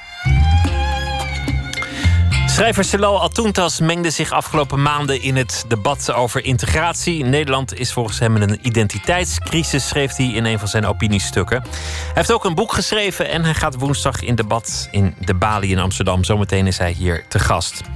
U hoort ook het verhaal van oogarts Gerrit Mellis, die in zijn vrije tijd componeert. Jarenlang lagen die composities in de bureaula, maar tegenwoordig worden ze wereldwijd uitgevoerd en dat allemaal dankzij een van zijn patiënten. F. Starik is schrijver en dichter en deze week zal hij elke nacht een verhaal maken bij de voorbije dag. En dat zal hij voordragen. F. Starik, goeienacht. Goedenacht, Pieter. Goeienacht, wat leuk je deze week elke nacht even aan de telefoon te krijgen. Verrukkelijk is het, hè? Vind ik wel, vind ik wel. Ja. Wat, was het, eh, wat was het voor dag vandaag voor jou? Maandag. Ja, voor mij ook. Ja, En hoe zal deze dag je bijblijven? dat ga ik je nu vertellen. Oké. Maandag. Ik heb al een week een lelijke verkoudheid. Als je snot kon verkopen, had ik van de opbrengst til kunnen gaan leven. Het is vrij lenteweder. Buiten is het 15 graden. Binnen knalt een lage zon heel diep mijn woonkamer in. Eigenlijk mag ik van mezelf niet naar buiten. Daar wonen de ziektekiemen bij de andere mensen. En zo genees je nooit. Maar binnen dansen miljoenen stofdeeltjes in dat genadeloze licht. In een Browniaanse beweging. Dat heb ik van de kunstenaar Claire Morgan geleerd. Die een schitterende tentoonstelling in het Noord-Brabants Museum in Den Bosch heeft. The Sound of Silence. Een tentoonstelling die ik iedereen kan aanraden te bezoeken. En ik kan het weten, want ik mocht bij de opening een gedicht over haar werk voorlezen. Vandaar dat ik mij in die beweging verdiepte.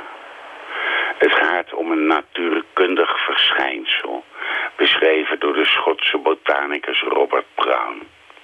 Hij merkte op dat deeltjes, hoewel bestaand uit dode materie, een onregelmatige eigen beweging vertonen en volgens een toevallig aandoend, aandoend patroon in alle richtingen weg kunnen schieten. Deze grillige beweging wordt ook wel een dronkenmanswandeling genoemd.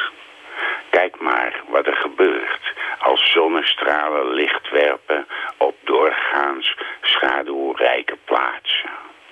Dan zie je dus die minuscule stofjes dansen en dan moet ik niezen. Ik besluit mijn demente moeder maar eens in het zonnetje te gaan zetten. Misschien is het buiten minder stoffig en bezorg ik haar er een groot plezier mee. En wellicht kan ik haar een lelijk griepje bezorgen. Houdt ze er een longontsteking aan over. En ik een kolom voor straks, voor s'nachts. Een longontsteking. Dat wordt iemand op die leeftijd dikwijls fataal. Nee, dat loopt meestal niet goed af. Misschien moet ik haar een tongzoen geven... terwijl ik mijn neus snuit en daar hard bij hoest. De tentoonstelling duurt nog tot 8 januari 2017. Hoe lang mijn moeder nog duurt, weet niemand. Dat is het einde. Het ging de laatste weken veel over een eh, humaan levenseinde en hoe je iemand moet helpen aan het Ja. eind van het leven. Maar Ik moet daar een of andere fucking lezing over schrijven. heb jij weer? Over het, over het regie, over het eigen leven. Daar denk ik veel over na deze dagen. en soms moet je het lot helpen met een snotneus. Uh, ja, dit gedachte-experiment ging eigenlijk meer over uh, die eeuwig geprikkelde neus. En dat is een ding van alle dagen, deze dagen. Uh, ja. Dat is, dat is zo irritant als je, als je verkouden bent... dat je ook aan niks anders kan denken dan aan die kop vol snot. En dan lijkt het ook alsof het nooit voorbij gaat. Ja. En ik vind het zo jammer dat het allemaal in zakdoekjes eindigt. In de plaats van op de vrije markt. Ja, waar is het allemaal goed voor, hè? Zo zonde van al dat snot. En dan moet ik ook nog hoesten, meneer. Hoort u wel? Ja, ik hoor het. Nou ja. Het valt niet mee. Het valt niet mee. Ik wens je heel veel sterkte. en door de week worstelen. Beterschap, sinaasappeltjes en uh, graag weer tot morgen. F. Starik, dank je wel. Dag. Hoi. Amerikaanse zanger en producer Pharrell Williams is bekend van grote hits als Lucky and Happy. Hij is ook uh, mede-producent van een ruimtefilm, Hidden Figures, waarvoor hij ook de muziek maakt, waaronder dit nummer Running. Summertime in Virginia was an oven. All the kids eating ice cream with their cousins. I was studying while you was playing the dozens. Don't act like you was there when you wasn't. Running from the man, running from the badge. Don't act like you was there when you wasn't. Running toward our plans in the judge's hands. Don't act like you was there when you wasn't. I know they say crawl for you all, but in my mind I already chose. If I stand still, I cannot get far. They want the moon, I'm on Mars. My mind deep when I'm running. I don't want no free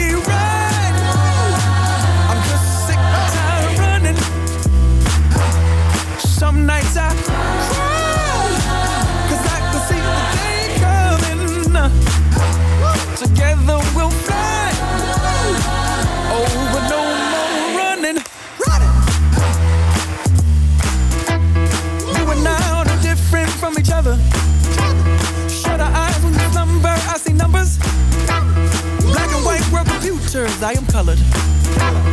Don't act like you was there when you wasn't. From running to exams, the job is for a man. Don't act like you was there when you wasn't. And the law of the land, where women were often banned. Don't act like you was there when you wasn't. I know they say crawl for you all,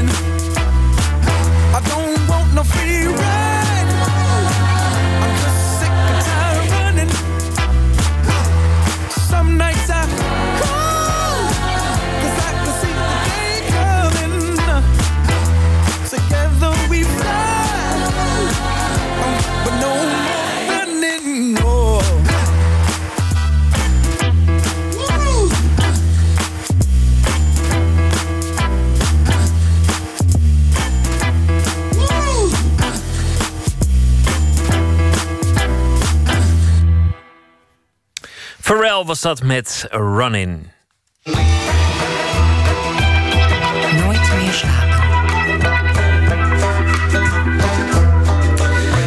De verhouding tussen arts en patiënt is niet altijd even gelijkwaardig. De patiënt komt omdat hij iets wil van de arts en de arts doet gewoon zijn werk. Soms uh, draaien de rollen ineens om, waardoor beide iets aan elkaar hebben. Verslaggever Matthijs Deen kwam zo'n verhaal op het spoor. De arts wilde iets dat hij zelf niet kon, maar de patiënt kon het wel. En dat leverde een samenwerking op die uiteindelijk zou leiden tot een serie concerten in de Doelen in Rotterdam.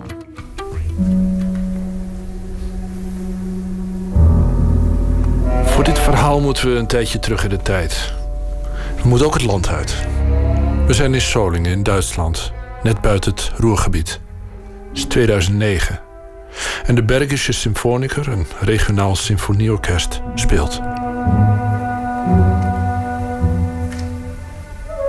De eerste lesnaar van de eerste violen zit Martin Haunhorst.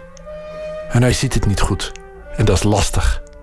Want er is zo van die muziek, die is al ingewikkeld genoeg. En als je blikveld vertroebelt en maar niet op wil klaren... en je de noten niet meer kan zien, dan gaat het gewoon niet meer. Maar het is wel zijn roeping, het is zijn broodwinning. Vervangend concertmeester van een symfonieorkest. Als die zijn muziek niet meer kan lezen, wat moet hij dan? Mijn ogen waren zo slecht, dat ik mijn beroep hätte aufgeben müssen. Es gab in Deutschland kein Heilverfahren, was man mir anbieten konnte, mit einer äh, befriedigenden Aussicht auf Erfolg. Toen Haunhorst jong was, had hij nog getwijfeld. Wat moest hij worden? Violist of misschien toch arts? Hij koos voor de muziek omdat hij daarmee, zei hij later, minder schade verwachtte aan te richten dan als arts. Maar nu ging langzaam het licht uit en moest hij dan toch het podium af op zoek naar de spreekkamer. Er was alleen geen arts die hem kon helpen. De aandoening aan zijn hoornvlies was te ver gevorderd. Je moet je voorstellen, als je eerst uh, op de eerste plek speelt... en je ziet het niet goed... en je gaat bijvoorbeeld kruisen en mollen over het hoofd zien... of uh, verkeerd lezen, uh, dat gaat niet goed. Want... Tegelijkertijd was er in Rotterdam een arts die eigenlijk ook muzikus had kunnen worden. Hij heeft aan beide ogen een transplantatie gehad. Mm. Ik mag het ook zeggen hoor, want dat heb ik... Dat is de man die u nu hoort praten. Gerrit Melles heette die. Je kunt je voorstellen, hè, lezen en zeker onder verschillende lichtomstandigheden... voor zulke soort mensen is gewoon ontzettend lastig. Ja. Zeker als je dan zo'n handicap hebt. Dus, uh... Hij koos weliswaar voor de medicijnen, was innovatief oogarts geworden... met uiteindelijk zijn eigen kliniek, maar had de muziek nooit uit zijn leven kunnen bannen. Ja, nou ja, goed, het is mijn hobby geweest om dingetjes te schrijven. Terwijl hij sleutelde aan zijn nieuwe operatietechniek voor hoornvliesaandoeningen, hoorde hij nog steeds, vooral in de repetitieve geluiden van de operatiekamer, muziek.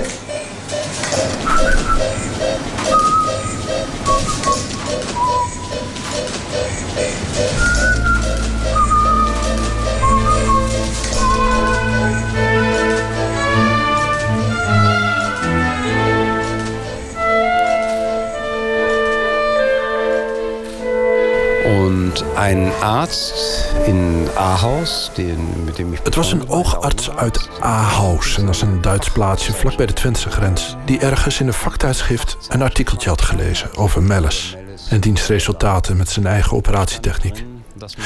De wanhopige violist reisde af naar Rotterdam, kreeg te horen dat hij een klassiek geval was, dat alles in orde zou komen en zo kwam hij bij de componerend oogarts in de OK terecht. Daar heb ik dan äh, Gerrit kennengelernt.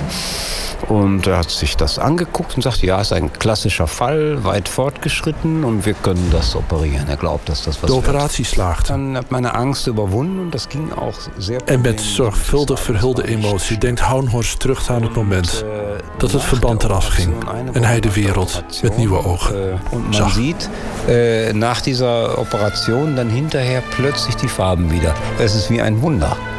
Man, man erfährt eigentlich, wie schön die Welt ist. dass wir in einer unglaublich schönen Welt leben. Ja, ja. Das erfährt man. Das erfährt man noch mal neu. Äh, man hat das früher auch schon mal gewusst, aber wieder vergessen.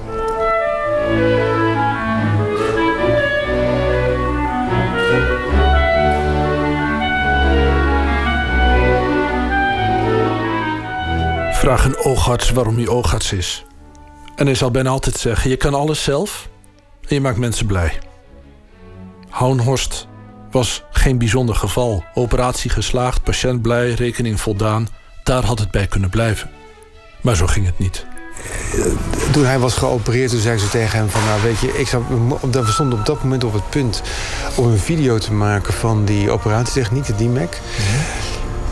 En uh, toen zei ik zo tegen hem van... nou, het zou ontzettend leuk zijn... Uh, als hij dan wat speelt... en we laten zijn ogen zien terwijl het wordt geopereerd... En als ik dan wat ervoor schrijf, eh, er zullen in die stukken ook dingen zitten ja, wat gewoon beter kan of eh, noem maar op. Maar dan zeg ik ook tegen hem van luister eens, ik ben oogarts. En eh, als het anders moet, dan, ja, hoor ik het wel. dan hoor ik het wel. Ja. En omdat de relatie met deze violist erg vertrouwelijk was geworden... durfde hij het aan om hem te vragen of hij er eens naar wilde kijken. Of hij het misschien met een paar collega's zou willen spelen. En als hij dan toch bezig was, of hij het zou willen opnemen zodat Mellis de muziek zou kunnen gebruiken bij een demonstratievideo van zijn operatietechniek. Ik wilde ook een beetje componeren of hij mir dat mal zeigen durfte. Maar ze kunt geen nein zeggen. Nee. je hebt net je kleuren terug, je hebt net je gezichtsvermogen terug. Zeg maar eens nee in zo'n geval. En dan was dat zeer hübsch en war ook uh, für Streichquartett. Hm. Und dann habe ich das zusammen mit einigen Freunden, einer davon hat heute die Aufnahme gemacht, der Bernhard Schwarz, das ist ein Cellist eigentlich von Haus aus jetzt. Wat begon als een toenadering tussen arts en patiënt is inmiddels uitgegroeid tot iets veel groters. Ik tref de oogarts en de violist in de Doelen in Rotterdam.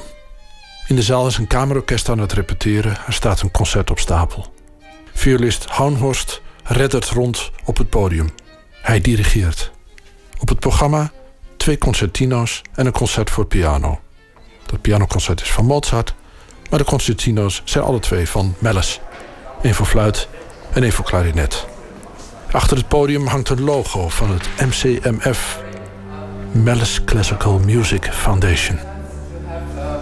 En wat die foundation doet, is jonge, zeer talentvolle muzici de gelegenheid geven om met een heus orkest voor een heus publiek één keer per jaar een concert te spelen.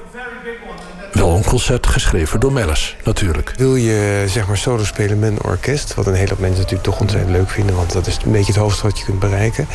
dan moet je eigenlijk eerst een naam hebben om te worden uitgenodigd. En eh, om te worden uitgenodigd moet je een naam hebben. Dus dat is altijd de cirkel. Dus eh, je kunt in ieder geval ze een beetje de ervaring geven om te spelen met een orkest. En dit is een, toch een wat informelere sfeer. Het is niet zo heel erg dwingend allemaal. Dat, um, dat zeg ik ook. In het ergste geval gaat het helemaal mis. Weet je, Mm. dan beginnen we gewoon opnieuw. Ja.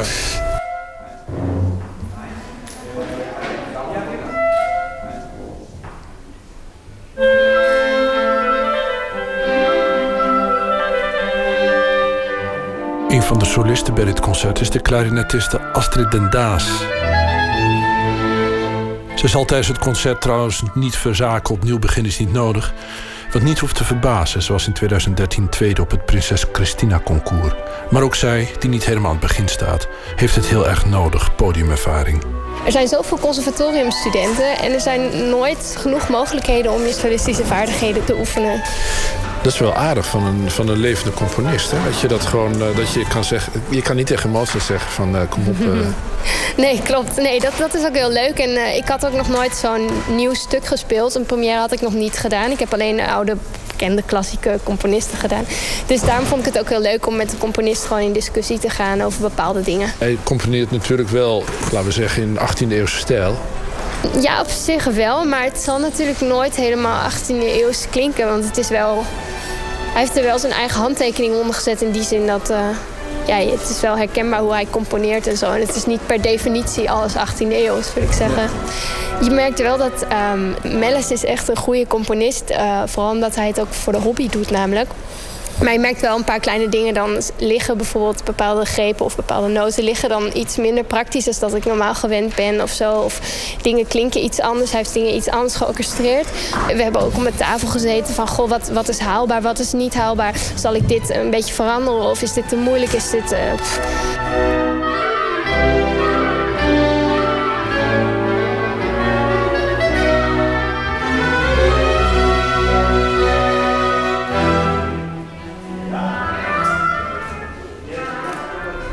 Je kan zeggen, een operatie is geslaagd als het eindresultaat goed is. Maar bovendien als het ook uitvoerbaar is. Ja, het moet uit. Ja, dat vind, ja zeker. Dus dat is een grote overeenkomst eigenlijk. Maar wanneer is zo'n zo'n stuk dan geslaagd? Want je zegt van, ja, god, uh, doe je die melodie toch anders? Uh, het, is... Nou, ja, kijk, als je een stuk hoort, zeg maar, zijn bepaalde noten zijn heel erg essentieel. Die kun je niet veranderen, zou ik maar zeggen. Maar bijvoorbeeld een loop je er naartoe of iets dergelijks. Weet je, daar kun je dat dat hoor je bijna niet. Of je, je gehoor bent eraan als het anders is opgeschreven. Uh, kijk, niet, niet voor iedereen zal misschien een solo carrière weggelegd zijn. Maar als Um, ja, als het net een opstapje kan zijn om... al is het maar om ook angsten te overwinnen... want het, is, het valt ook niet mee als je daar als solist moet staan... en ja, je moet daar een half uur spelen. Ik bedoel, ik vind het altijd ongelooflijk dat iemand het kan. Hè? Een half uur zonder fout iets doen. Doe het zelf maar eens. Nee, serieus. Ik mag toch hopen dat jij dat tijdens operaties wel... Ja, maar is anders. Als je, dan kun je bij van e- even gewoon pauze nemen... even nadenken. Dan, er geen hond die het merkt. Maar dat kan hier niet. Je moet hier gewoon doorgaan.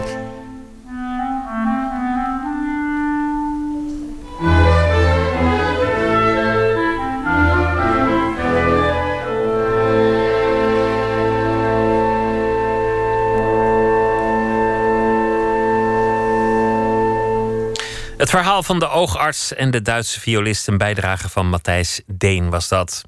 The Lemon Twigs, een project van Brian en Michael Daddario, twee broers uit Hicksville, Long Island, nog geen 20 jaar oud.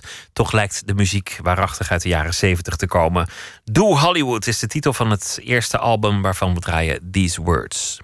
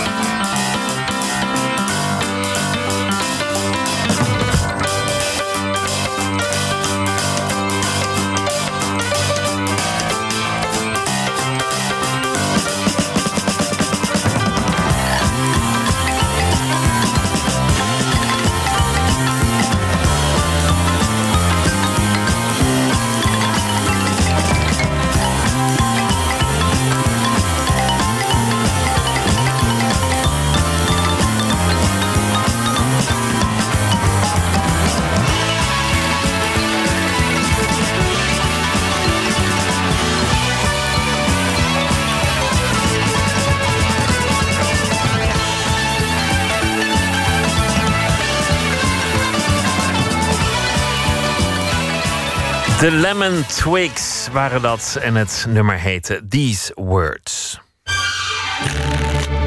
Open kaart.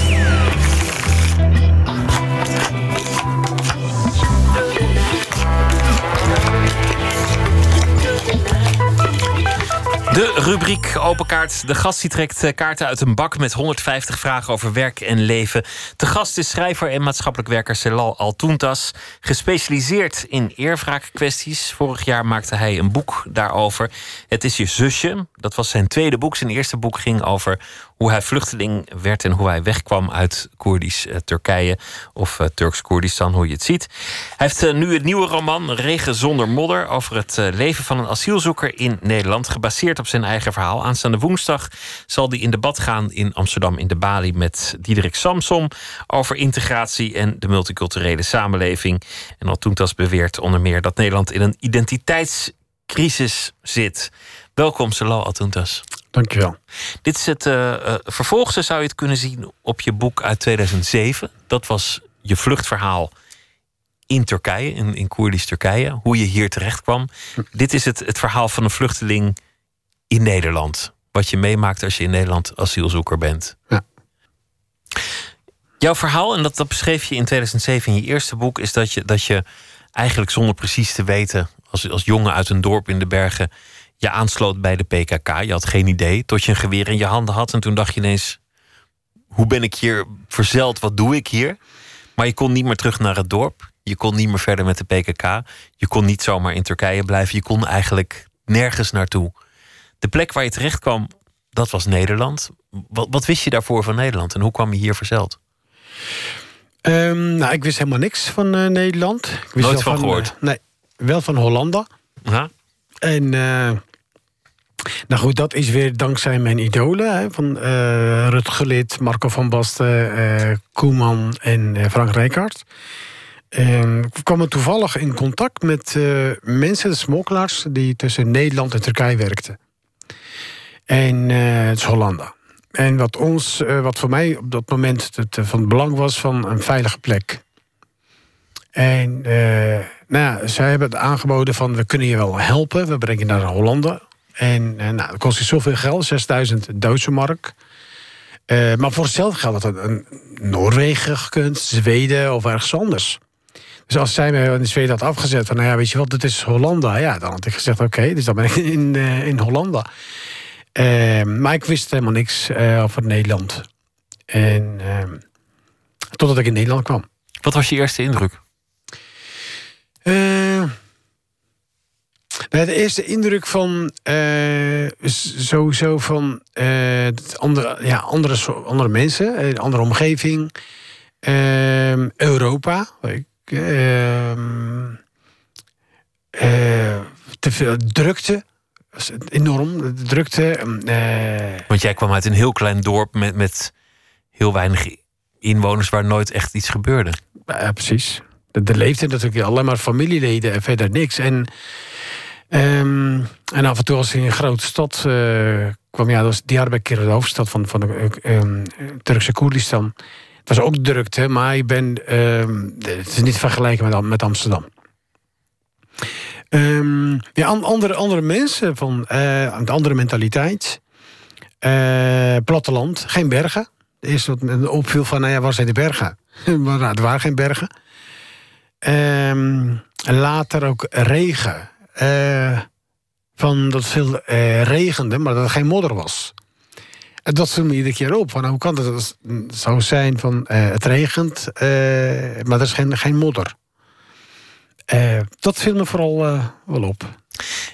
In je boek beschrijf je ook iets over de opvang, over, over, over wat je allemaal meemaakt maakte als asielzoeker en over de procedure. En, en wat erbij opvalt is, is dat er zoveel misstappen zijn die je kunt begaan zoveel vragen die je krijgt. En als je net het verkeerde antwoord geeft, dan kan dat het verschil betekenen tussen blijven en, en teruggestuurd worden.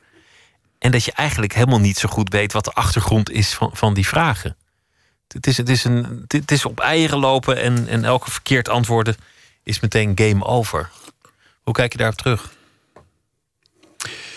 Um,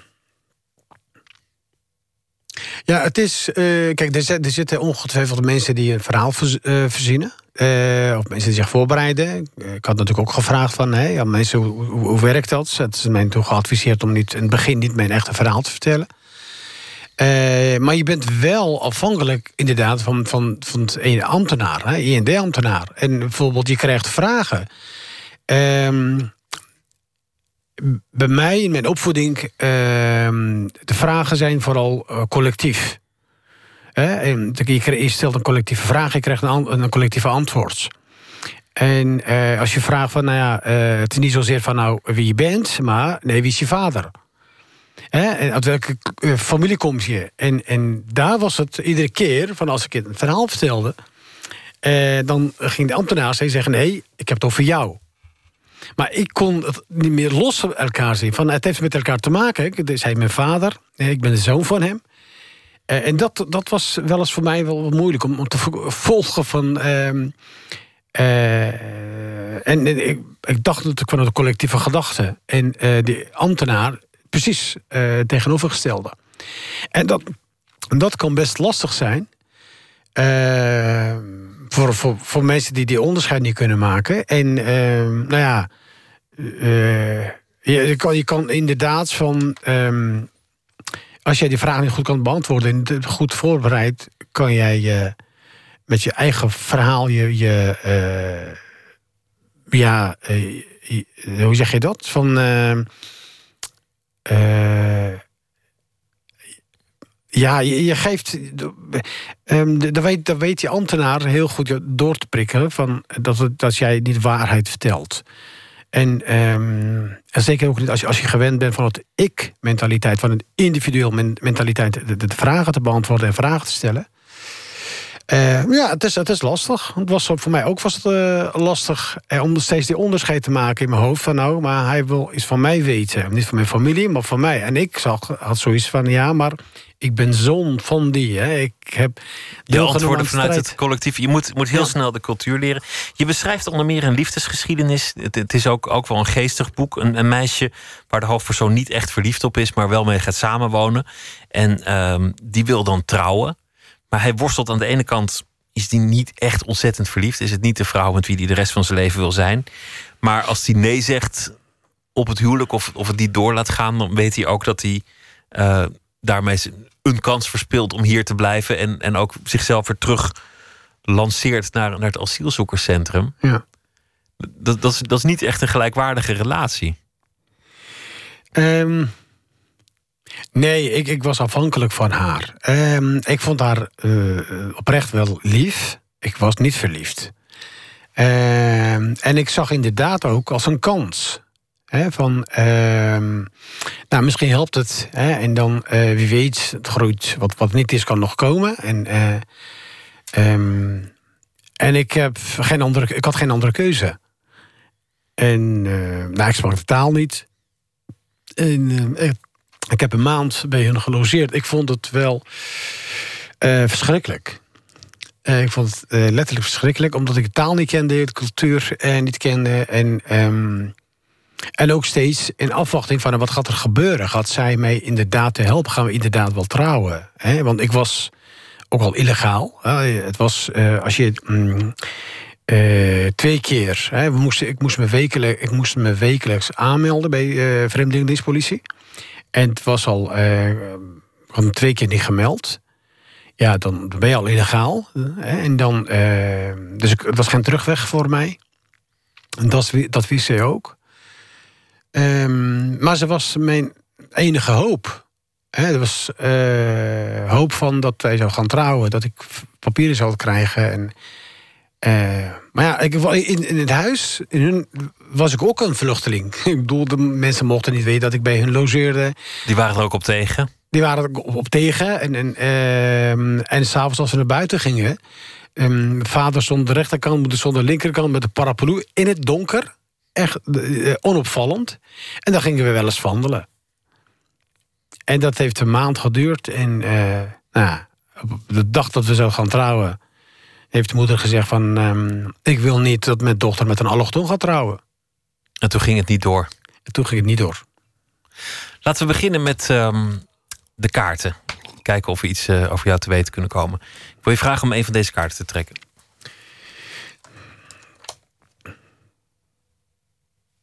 Ik zou deze niet doen. Neem een ander. Je maakt me wel nieuwsgierig. Even kijken. Van wie heb je het meest geleerd? Nou, dat is wel een filosofische vraag. Van wie heb ik het meest geleerd? Mm.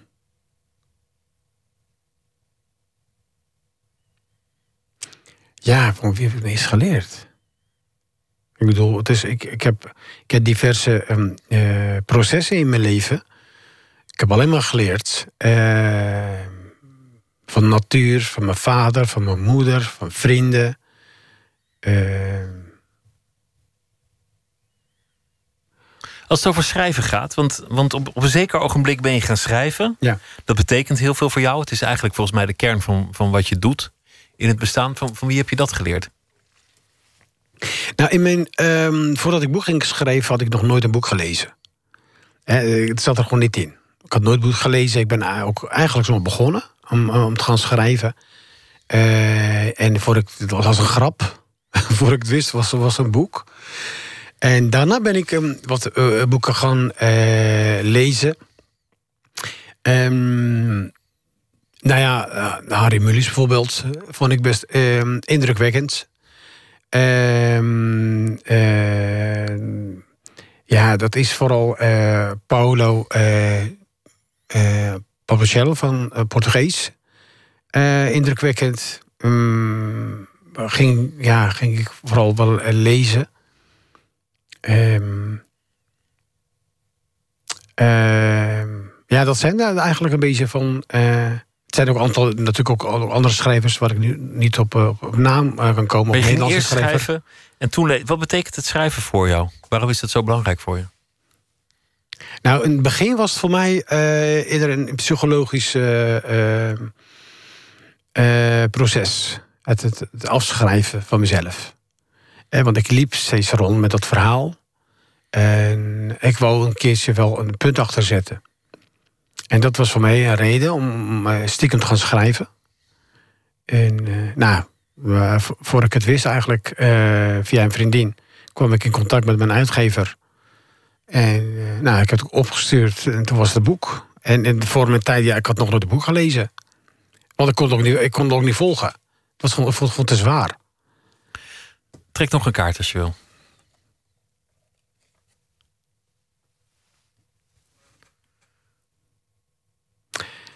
Oké, okay, dat is ook een moeilijke vraag. Welk werk is nog niet af?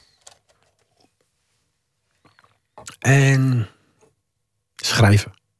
Het schrijven in het algemeen. Ja, ik je, blijf je hebt, schrijven. Je hebt, je hebt iets geschreven over je werk als, als maatschappelijk werker. Je hebt geschreven over je jeugd en, en het dorp waar je vandaan komt en, en hoe je vluchteling werd. Je hebt nu geschreven over de periode als vluchteling. Welke fase zou je nog willen beschrijven? Weet je dat al? Nou, ik zou nog een, een kinderboek willen schrijven. Um, en ik denk, ja, het is. Um, ik, ik, weet het niet. Ik bedoel, uh, de ambitie is er. Ik blijf schrijven. Maar waar het over gaat, uh, wat voor onderwerp het wordt, dat, weet ik niet. Dat kan alle kanten op gaan. Nog eentje.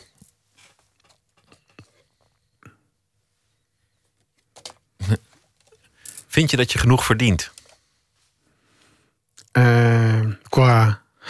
qua geld. qua geld? Ja, misschien moet ik het telefoonnummer van mijn werkgever even geven. Kunnen we even bellen? Ja, er zijn genoeg mensen die het nog slechter hebben dan mij. En ik ben tevreden met wat ik heb. En um, ja, ik vind van, uh, van wel. Dus uh, kijk, als een werkgever straks um, loonverhoging wil doen, is prima, is mooi meegenomen. Maar er zijn genoeg mensen die, die het nog slechter hebben dan mij. Eh, nee, maar mensen van, die op de vlucht zijn. Nee, maar mensen in, in Afrika die geen eten hebben om te drinken, om te eten. En, en kinderen die sterven van het honger. Dus um, wat, wat dat betreft ben ik wel blij. Woensdag in de Bali een debat met Diederik Samsom en het nieuwe boek Het Regen zonder modder. Het verhaal van een asielzoeker in Nederland. Silo Altoentas, dank je Een nieuw album van The Pretenders Alone is daar uh, de titel van 36 jaar na hun eerste album. En we gaan luisteren naar uh, een van de stukken ervan, Blue Eyed Sky.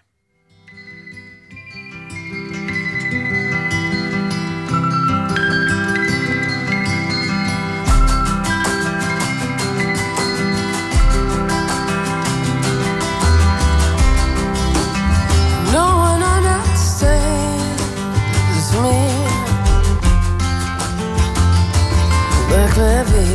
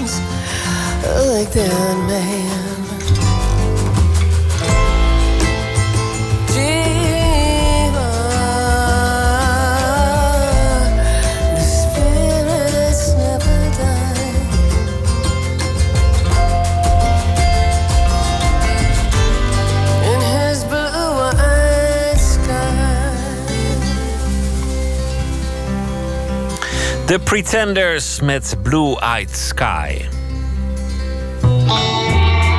Nooit meer slapen. In tien jaar tijd hebben Johan Gijssen en Bob van Heur, de oprichters van het festival, een vooruitstrevend festival weten te maken van Le Guess Who in Utrecht. Het is een van de meest vooruitstrevende festivals van Nederland. Je ziet daar bands die niet zozeer bekend zijn, maar het misschien wel zouden kunnen worden of moeten zijn, of die in ieder geval de moeite waard zijn.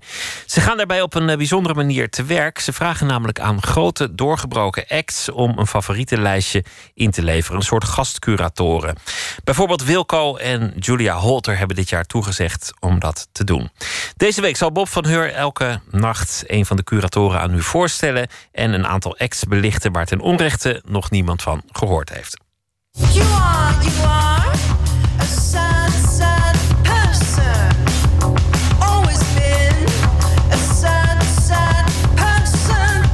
Maakt noise rock, zo zou je het kunnen beschrijven. Zangeres Jenny Beth, zij is eh, Frans oorspronkelijk en ze is vrij poëtisch in haar, eh, in haar tekst. Dus daar zit een hele sterke eh, overdracht in, meer dan bij een normale reguliere rockband.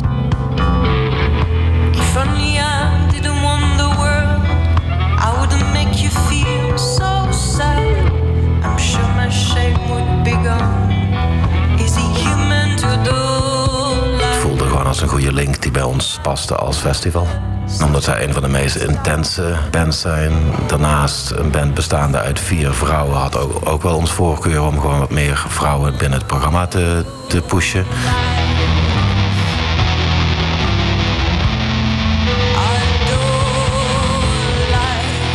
Ze zijn zelf gewoon heel blij om eh, bevriende artiesten of artiesten die ze zelf net ontdekt hebben, om die aan het publiek te laten zien. Want je geeft ook wel een soort van context aan je eigen band door te laten zien van wie je, wie je cureert. Dus ik denk dat Savages dat wel heel erg eh, zag zitten.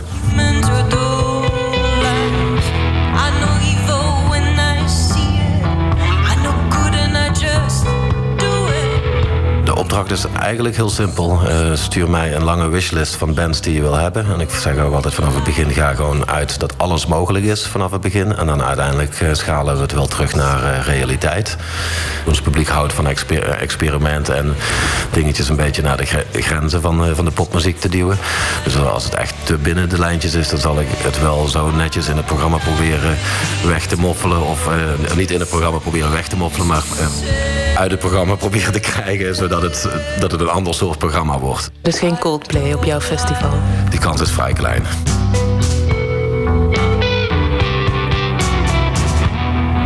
Van de bands waar Savages mee aankwam, wat verraste jou het meest?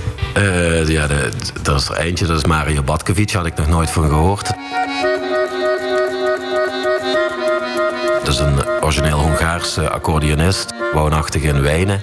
Toen ik hem voor het eerst hoorde, deed hij me heel erg denken aan eh, de saxofonist Colin Stetson, die cir- circular breathing doet. Maar hij doet dat dan eigenlijk op zijn accordeon. Dus het zijn oneindige loops van eh, melodietjes die hij maar eigenlijk blijft herhalen. Maar er komen constant lagen bij en dat is gewoon één man op een accordeon.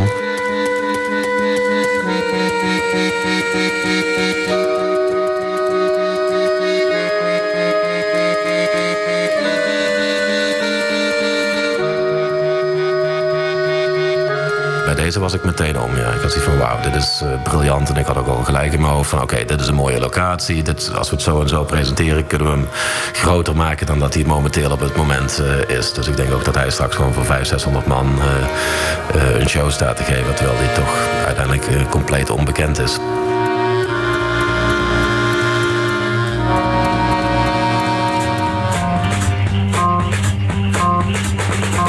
Dat is de band van Jeff Barrow.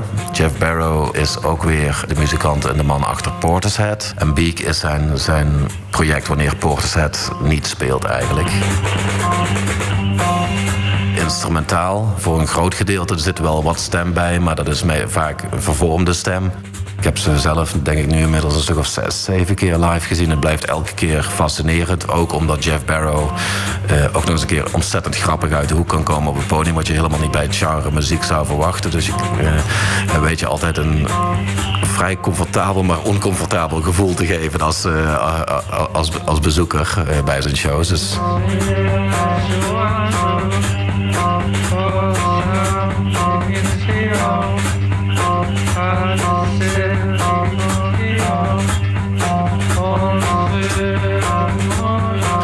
Is wel een tip. Ja, ik dat Beek wel echt eh, de moeite waard is. Eh, misschien vinden sommige mensen het voor eh, 20 minuten leuk en dan wordt het saai. Eh, of je zit er helemaal in en dan wil je dat het nog uren doorgaat.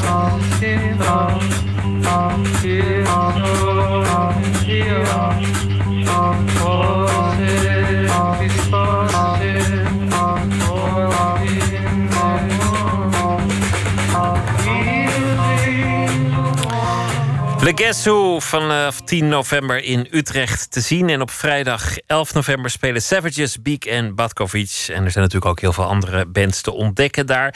Morgen het tweede deel van deze serie. En dan vertelt de Amerikaanse band Wilco... althans, dat doen ze niet persoonlijk, maar we horen... wat de Amerikaanse band Wilco heeft voorgedragen als favorieten. Het begon begin jaren 90 met het schoolbandje Juniper met Damien Rice, maar liefst op gitaar. Na zijn vertrek vervingen ze de naam Juniper voor Bell X1 en inmiddels is de band toe aan het negende album. Arbus is daarvan de titel en dit nummer heet Upswing.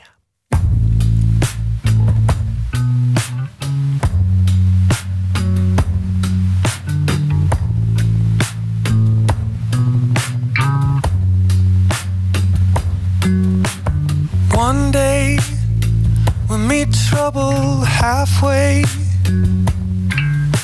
and we'll say, Oh, why'd you gotta be that way? Trouble, look around you.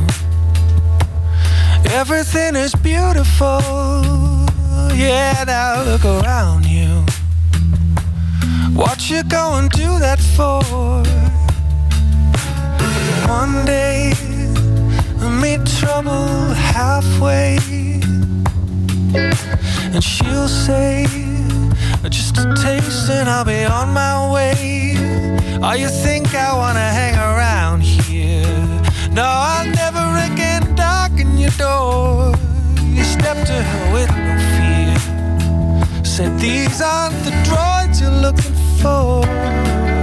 'Cause baby, one little push from you got me on the upswing.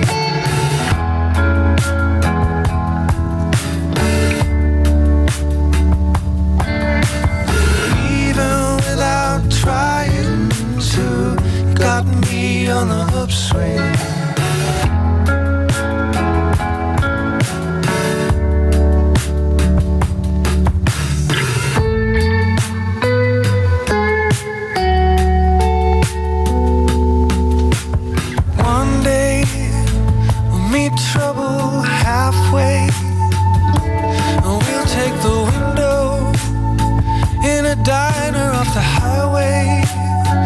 Say that trouble, let's work this thing out. On the table, I'm squeezing your hand, and it's giving me steel to say now this is how it's gonna be. 'Cause baby, one little push from you got me on the upswing.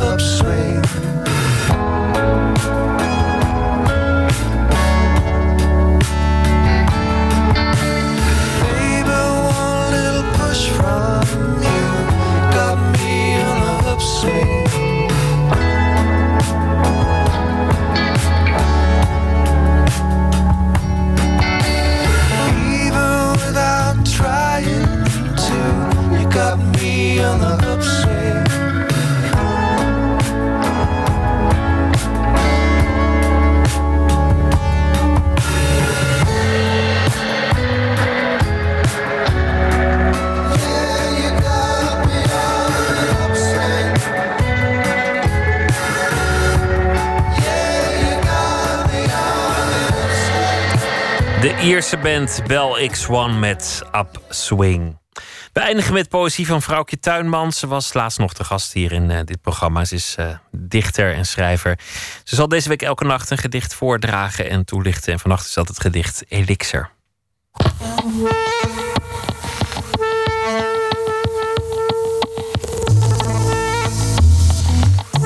Elixir.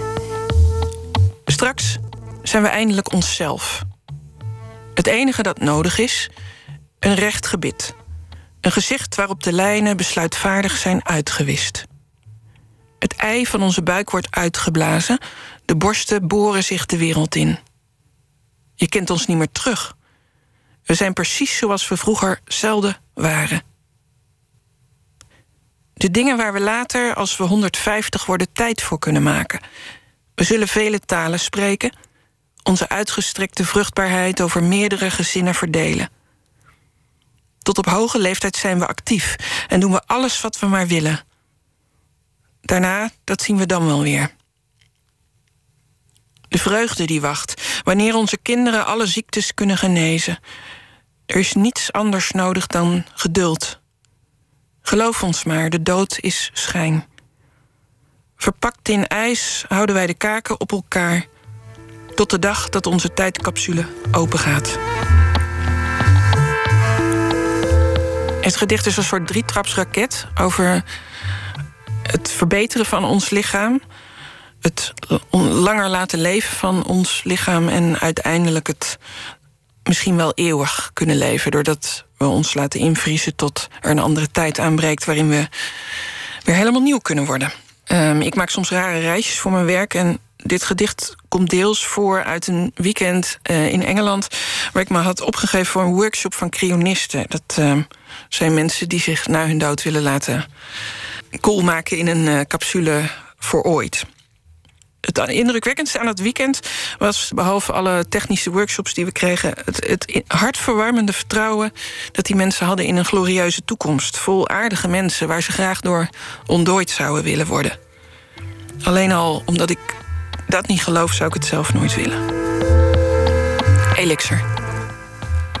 Straks zijn we eindelijk onszelf. Het enige dat nodig is, een recht gebit een gezicht waarop de lijnen besluitvaardig zijn uitgewist. Het ei van onze buik wordt uitgeblazen, de borsten boren zich de wereld in. Je kent ons niet meer terug. We zijn precies zoals we vroeger zelden waren. De dingen waar we later, als we 150 worden, tijd voor kunnen maken. We zullen vele talen spreken, onze uitgestrekte vruchtbaarheid over meerdere gezinnen verdelen tot op hoge leeftijd zijn we actief en doen we alles wat we maar willen. Daarna, dat zien we dan wel weer. De vreugde die wacht wanneer onze kinderen alle ziektes kunnen genezen. Er is niets anders nodig dan geduld. Geloof ons maar, de dood is schijn. Verpakt in ijs houden wij de kaken op elkaar.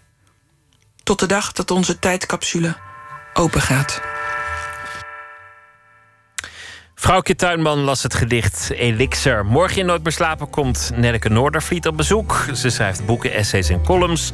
En ze heeft een uh, nieuwe roman aan het einde van de dag. Een oud-politica blikt terug op haar leven... en voert uh, gesprekken met haar aspirant-biografen.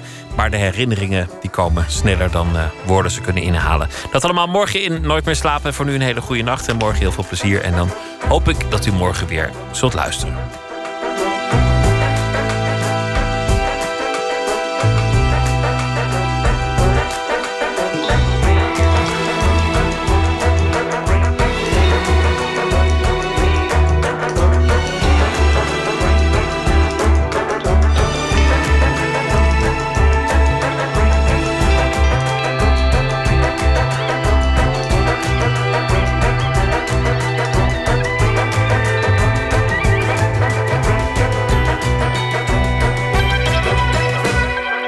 Radio 1. Het nieuws van alle kanten.